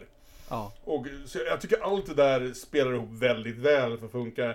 Och, och jag, gillar Hurt- också, ja. jag gillar också den här, liksom just den här scenen runt det här. När då Schrader klipper fram och tillbaka mellan Paul som försöker leva som en människa. Men inte kan det utan mördar kvinnan han har raggat upp. Och eh, Irena som försöker älska den här mannen men istället måste springa ut i mörkret och vara ett monster. Att det här är ingenting som hon bara kan liksom lägga ifrån sig utan det här är någonting som är. Jag gillar lite, en sak som jag tycker i alla fall blir intressant, jag ska inte säga att jag tycker att det funkar rätt upp och ner. Men det är just det här att, som sagt, eh, 90% av Paul Schraders filmer är människor som pratar i rum. De brukar inte involvera specialeffekter eller kattkvinnor eller ens liksom större visuella eh, påhitt. Eh, här blir det därför så intressant därför att han, vad ska vi säga, filmar 70-80% av filmen som ändå är liksom allt det här att bygga upp relationen mellan, mellan eh, Irena och, och Oliver och allt så här. Ungefär i sin vanliga Paul Schrader-scen. Det var flera scener där jag tänkte det där hade man nog kunnat filma mer dramatiskt om man hade velat. Men, men sen så sparar han och så flyger han som sagt fullkomligt ut i vad som för honom förmodligen ganska okända land i vissa sekvenser och scener. Som sagt det här när hon springer ut i, i träsket, de här som vi redan har pratat om några gångerna, eh, dröm slash historiesekvenserna till den röda öknen. Som då, på grund av den kontrasten, blir så otroligt liksom annorlunda och overklig och verkligen eh, det, det liksom känns mer som att så många av de andra scenerna faktiskt är, vad ska vi säga, vår värld. Och sen tas vi till en annan värld när, när bajset börjar träffa fläkten liksom. Eh, jag, jag, jag vet inte, jag tyck, kom nog ifrån mig ändå en ganska positiv bild av det. Även om det är... För det finns de här scenerna som den här till exempel när Paul som katt freakar ut och sliter armen av Ed Begley Jr. Som nästan lurar mig som blir väldigt effektiv just därför att under ganska lång tid ser den ut att inte vara en så dramatisk scen. Tills den helt plötsligt blir en väldigt dramatisk scen. Jo, nej, men eh, Ed Begley, scenen börjar med att Ed Begley Jr sjunger What's up Pussycat. Det... och, och två minuter senare är han död. Det, ja. Ja, what, Och, eh, what, what does that tell you? Och hur kommer sen Paul ut ur buren? Hur passar det in i mytologin att... Eh, Ja, Pan- därför att pan- alla, spring, alla springer ju därifrån för att hämta vapen och på något vis så kan han väl, liksom, jag vet inte, människor är ju är välkänt mycket smidigare än katter så han smiter väl ut Ja. mellan liksom stä- stängerna i buren antar jag. det tänker du ja. Eller så, var, eller så var det här något man inte, inte tänkte på att någon skulle orka bry sig om och så... Han kanske använder sina fingrar för att lyfta på haspen. Det, ja. Ja, jag måste snabbspola igenom här och se om, om någon lämnade en nyckel i eller någonting annat som bara en människa och inte en katt skulle Jag minns det jag som att det inte. inte, fa- inte fanns någon riktig förklaring Jag tror, inte det finns, jag tror inte det finns någon bra förklaring till det här. Nej. Jo! Vet du vad det är? Irena står där. Och vi ser inte henne lämna rummet. Är det så enkelt som att det är en scen där som är... Att hon, att hon, eh, alltså för hon börjar ju lista ut det där, där. Är det hon som släpper ut honom helt enkelt? Ja, Det vara låter det. ju lite- Möjligen. Om, han står, kv- om hon står kvar där när scenen tar slut, för sista bilden är typ att hon får blod på skorna. Ja. Och sen så klipper vi långt, långt därifrån medan alla djurskötarna har fullt upptaget med att det har skett ett dödsfall. Och då är alla är så upprörda över Ed Begley att, att ingen märker att det står en naken Malcolm McDowell. Jag tror, jag tror nej, men ingen, ingen av dem är ju kvar. Därför att... Ingen av dem är kvar, det är bara hon som står Ja. kvar. Det är Ja. det jag menar. Där, Ah, därför ja, att okej. John. Hurd och Annette O'Toole springer ju iväg och för att hämta en hagelbössa. Eller så ska Oh vi well. inte tänka för mycket på det där. Nej. Kan, kan vi snacka, är vi framme vid att snacka om slutet lite grann? Jo men det tycker jag ändå. Jag, ty jag tycker det är en intressant vändning, för vi nämnde inte det i originalfilmen här, att det här stora tragedin i slutet. Att Mm. när Irena väl bestämmer sig för att, nej men jag chansar, det kanske bara är, snälla låt det här bara vara vidskepelse. Jag vill att det här är bara är vidskepelse, jag vill vara en normal människa och chansar på att liksom, jag, okej, nu ska vi bli man och hustru på riktigt, kom här. Och han svarar Jag hade varit jättelycklig om du hade sagt det där för två veckor sedan. Nu är det för sent. Jag är, skär, jag är kär i Alice. Tyvärr. Du missade din Mm. chans. Eh, och även den här fantastiska scenen då när vi ser Simon Simon klösa sönder soffan så fort han har gått därifrån. Ja, för fan vad bra det är. Men, och här så vänder de helt och hållet på den scenen, nämligen det här att de, de fullbordar faktiskt det där. Att hon Mhm. vill så gärna tro att det här kanske kan funka ändå. Och de hoppar i säng tillsammans och hon vaknar efteråt och är fortfarande människa. Och går ut på toaletten och känner efter mellan benen och smakar på sitt oskuldsblod, vilket snälla Paul Schrader. Ja, Eh, eh, yeah. och sen går tillbaka till sängen och då börjar förvandlas. Därför, Mm. därför att det, studion tvingade fram den scenen därför att An American Werewolf in London hade gjort exakt samma scen och de, de hade specialeffekterna. Ja.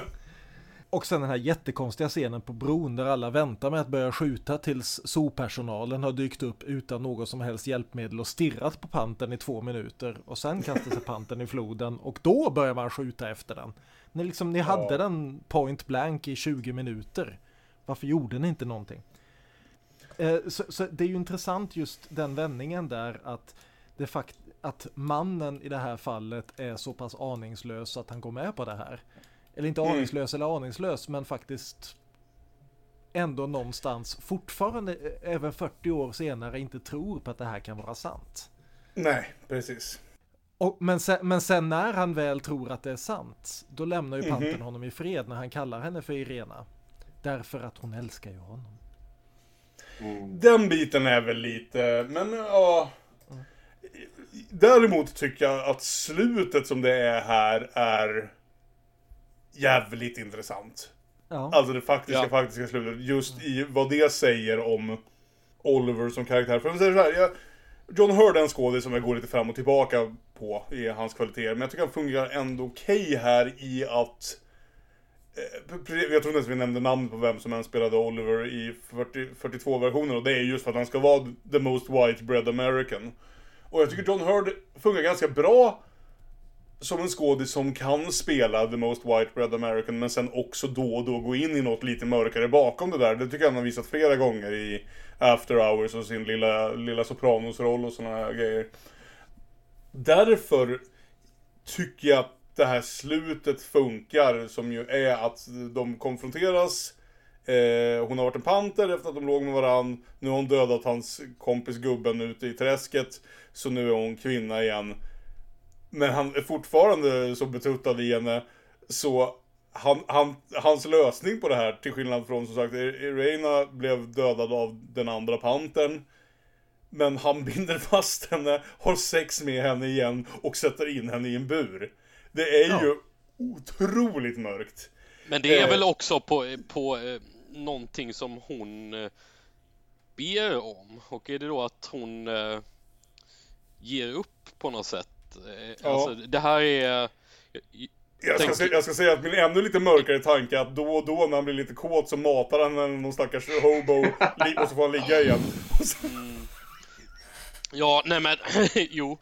Hon, hon, hon älskar väl Oliver då eh, och vill egentligen vara med honom och the next best thing är att hon får vara en panter som får bo på hans jobb. Jo. Ja. Nej, nej men det är, ju, det, det är ju den här repliken som, eller en sån här grej som återkommer i bägge filmerna. Att i 42-filmen så säger ju redan vid några tillfällen just det här att hon har katterna med sig, hon är katt. Det är liksom, they are with me, they're warmth, they're bla bla bla. När hon är i de här traumatiska ögonblicken så, så är hon en katt, för katter bryr sig inte. Medan i slutet av den här filmen, och det är fast en rätt rörande scen, så But I love silence. I love loneliness. Their strength, their warmth, their soft, their soft. Irina, you're talking like an insane. Please go. I wanted to go. Please. Go. Go.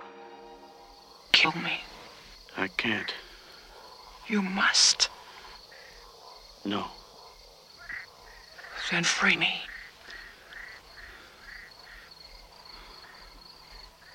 make love to me again.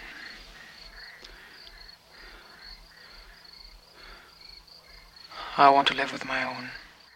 Och det är det hon får. Mm. För hon får sitta i en bur bredvid ett lejon och en gepard. Ja, nej, det är, jag, ärligt talat, jag gillar... Alltså, på nästan alla punkter som de lämnar liksom säga någonstans scen för scen eller som helhet att 42 är en starkare film. Just det här liksom absoluta slutet av hon dör och sen dör katten och sen var det klart och de går iväg lyckliga ihop. Är ju som typiskt 40-tals slut av att vi måste så snabbt som möjligt knyta ihop alla trådarna i den här 73 minuters filmen. Jag tycker det, eh, någonstans att 82-slutet är intressantare. 82-slutet fick vi verkligen tänka till lite på vad fan var det precis som hände, vad är det här som sagt. Även min lite ännu mörkare tolkning där men... Eh... Speciellt i och med att vi vet att det inte blev någon uppföljare som väl egentligen var tanken. Om inte Mm. det här liksom remake-verset hade, verset hade floppat så mycket som det gjorde. Eh, så lämnar det ju det här definitivt öppet för en Cat People 2. Return of the Mm. Cat People. Cat People Ja. 2. Electric Meow. Eh, jag vet inte. Bugga med. Men, men alltså, jag sitter och ser de här två filmerna och tänker, är det inte dags för en ny remake av Cat People? Men det, är ju det jag säger, det är ju 40 år mellan 42 och 82, Ja, nu är det 40 år precis. senare igen. Och vilka ska spela i den då? Vara Och Cat. ska, eller hur skulle den se ut? Det är kanske den mest intressanta frågan.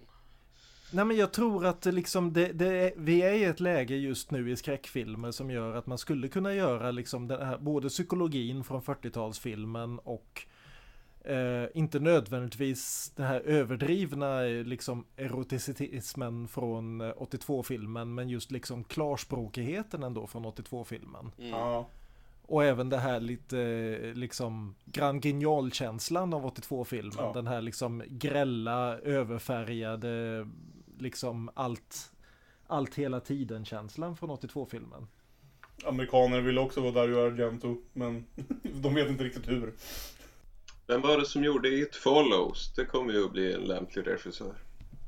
David Robert. Mitchell. Ja, han kan göra det. Mm. Ja, absolut. Ja, ja. Ja, nej men det är en intressant tanke. Det sk- skulle inte jag ha något emot att se heller faktiskt. Som sagt, eh, risken är väl att det blir 10 avsnitt på Netflix, men eh, hoppas att de håller sig till film. Eh, vi hoppade lite fort igenom mitten där, men jag tror att vi ändå fick in de flesta viktiga poängerna. Hade du hade någon... Ja, men eh, jag känner inte riktigt att jag fick någon riktig bild av egentligen vad, vad Olof och eh, Aron tyckte om 80-talsfilmen. Ja, bra för att det inte var så Säger bra. gubbar. Du tycker inte om den? Jo, men den är ju inte lika bra.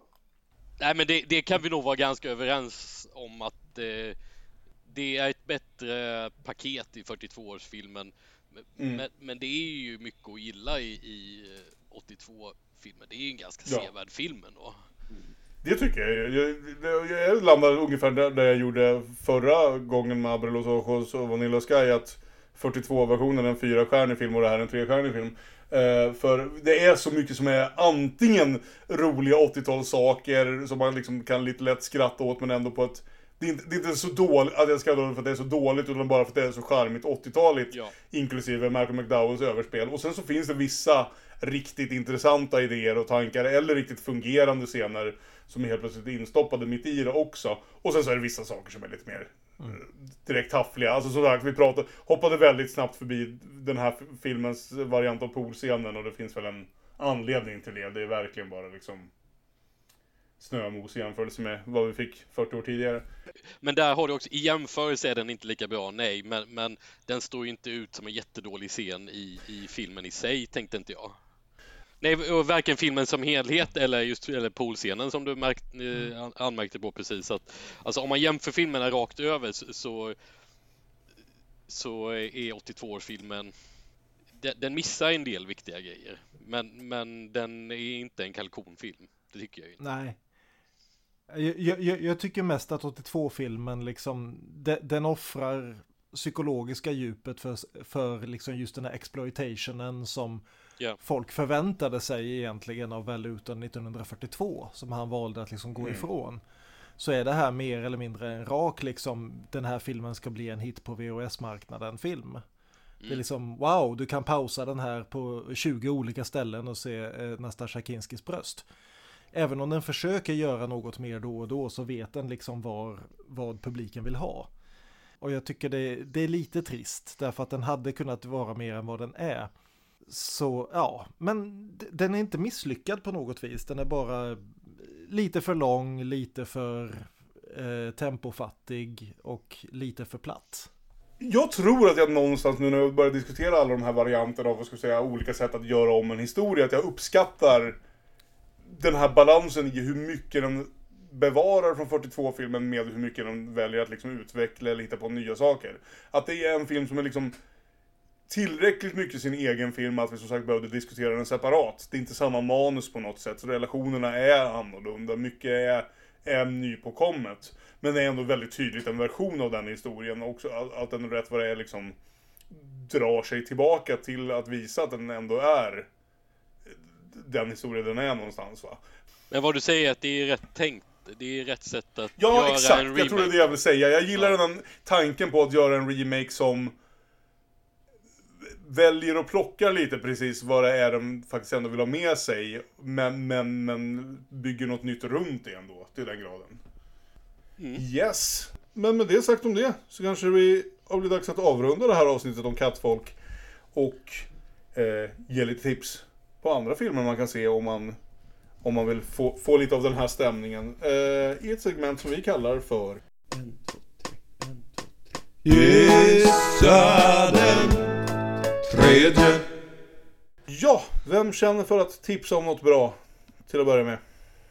Kanadensisk kortfilm. Animerad. The Cat Came Back från 88. Är ju en liten klassiker i animerad kortfilmsgenren. Tydligen Oscars-nominerad. Konstigt nog vann den inte Oscar. Ja, ja. No accounting for Oscars, som vi säger. Ja, det handlar om en man. Bygger tydligen lite på en gammal folkvisa det här då. Och som, eh, där en eh, katt dyker upp utanför en mans hus och först tänker han gud vad trevligt, en gul katt. Men så är det ju en mardröm att ha en katt. Och man försöker bli av med denna katt på alla möjliga sätt. Mer och mer desperat och våldsamt. Men the cat came back. Ja, finns på Youtube. Mm. Ja, Jag såg den på Uppsala kortfilmfestival några år sedan. Och den var ju jätterolig. Och det där med all rätt en klassiker. Spännande. Eh, Olof? Ja, det här är ju inte alls eh, eh, samma känsla som någon av Cat People vi har pratat om. Men eh, en sak som dök upp i mitt huvud var en av mina barndoms tv-favoriter. Den brittiska tv-serien Woof. Så den tänkte jag prata lite om nu. Eh, det är en slags eh, varelsehistoria. Mycket snällare förstås då, väldigt tydligt riktat mot barn. Och med en ganska oklar mytologi som jag minns det. Jag har alltså inte sett om den utan jag satt och försökte minnas tillbaka lite på den.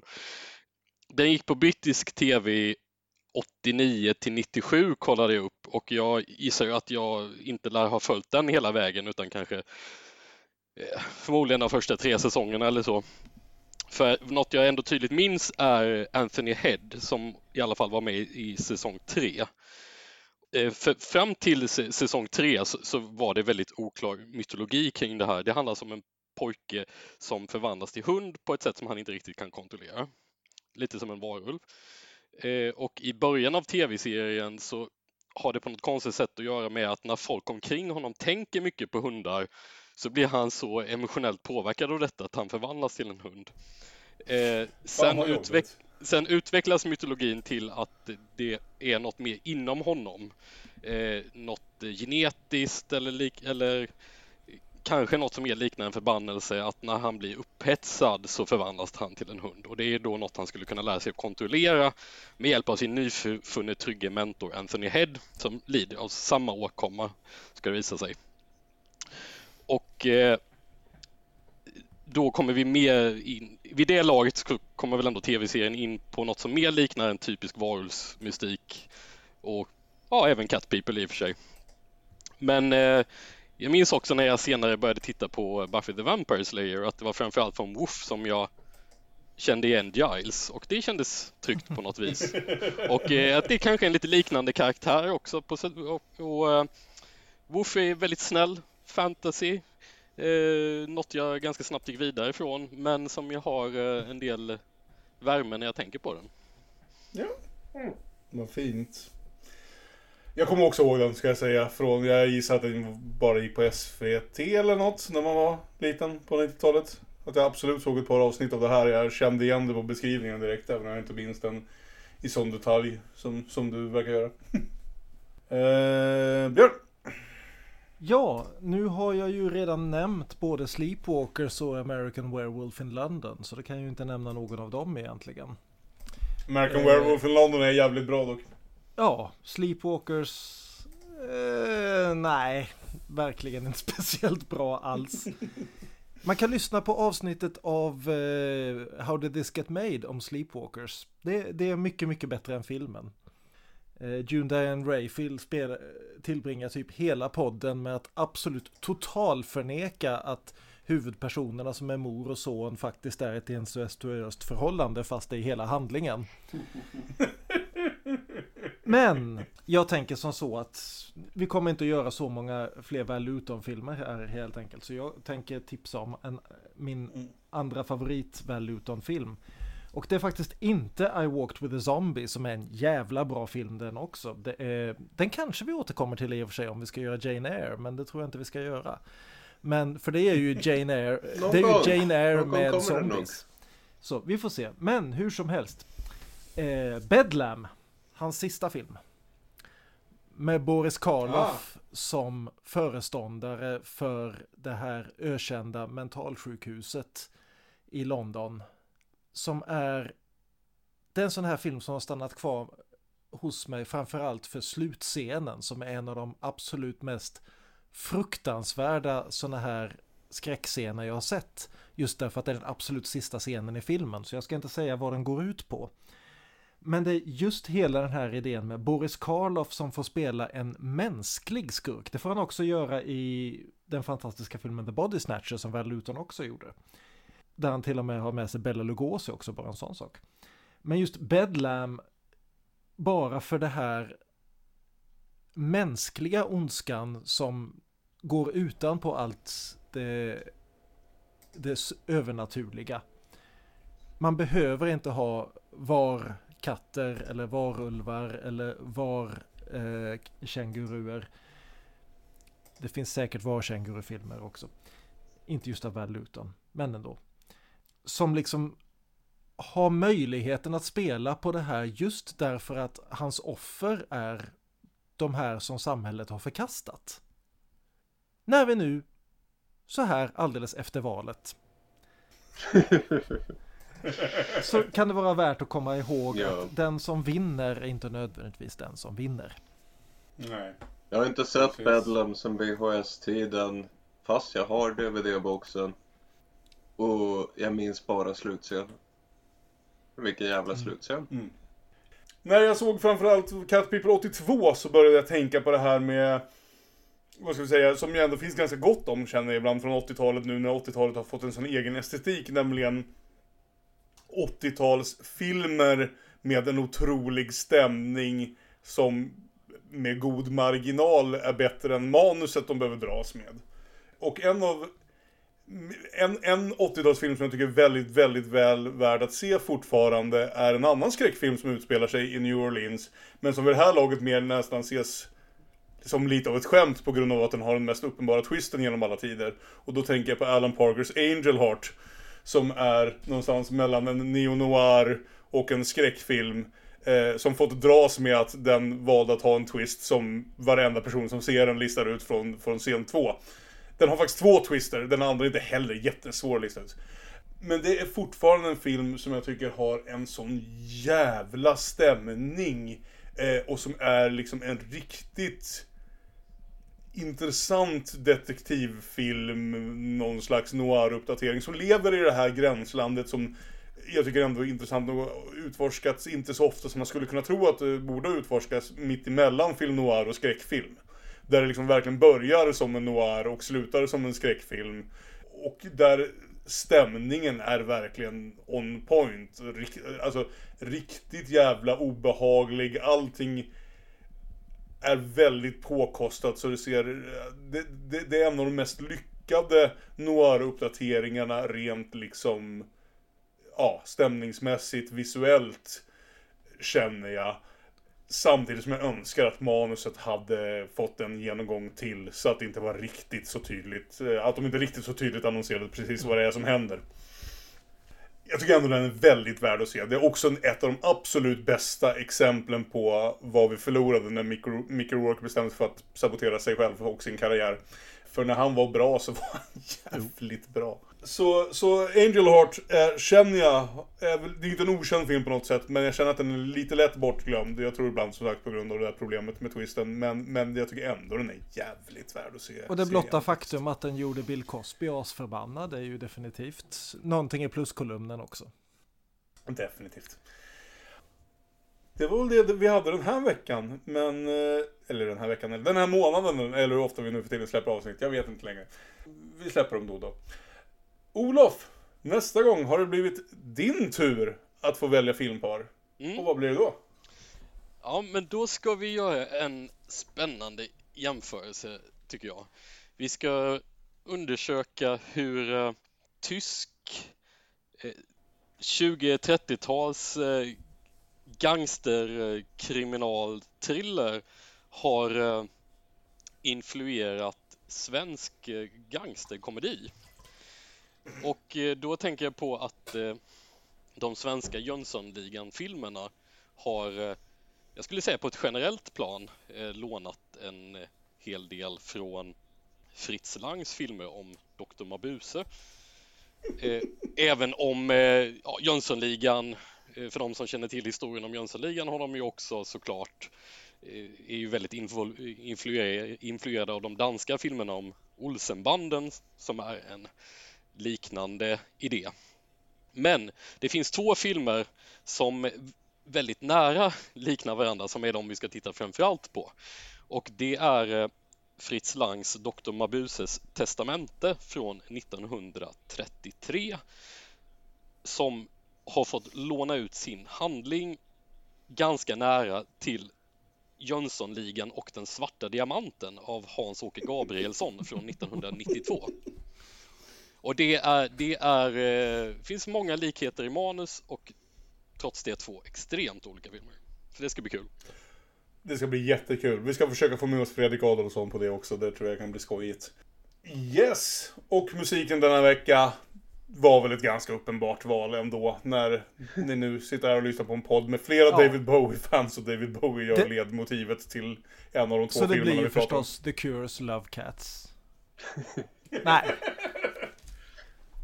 Nej, det blir inte det. Putting out the fire. Och så vidare. Eh, Aron har fått ta största delen av arbetet på den. Vi finns i de sociala medierna, vi lovar. Vi bara glömmer ibland. Vi är at Damonpodden på Instagram och på Twitter. Vi är Damonpodden med Ä på Facebook. Och om man så vill får man mejla damonpodden at gmail.com. Ha det så bra så hörs vi nästa gång och pratar lite om Jönssonligan. Hej så länge. Hej då.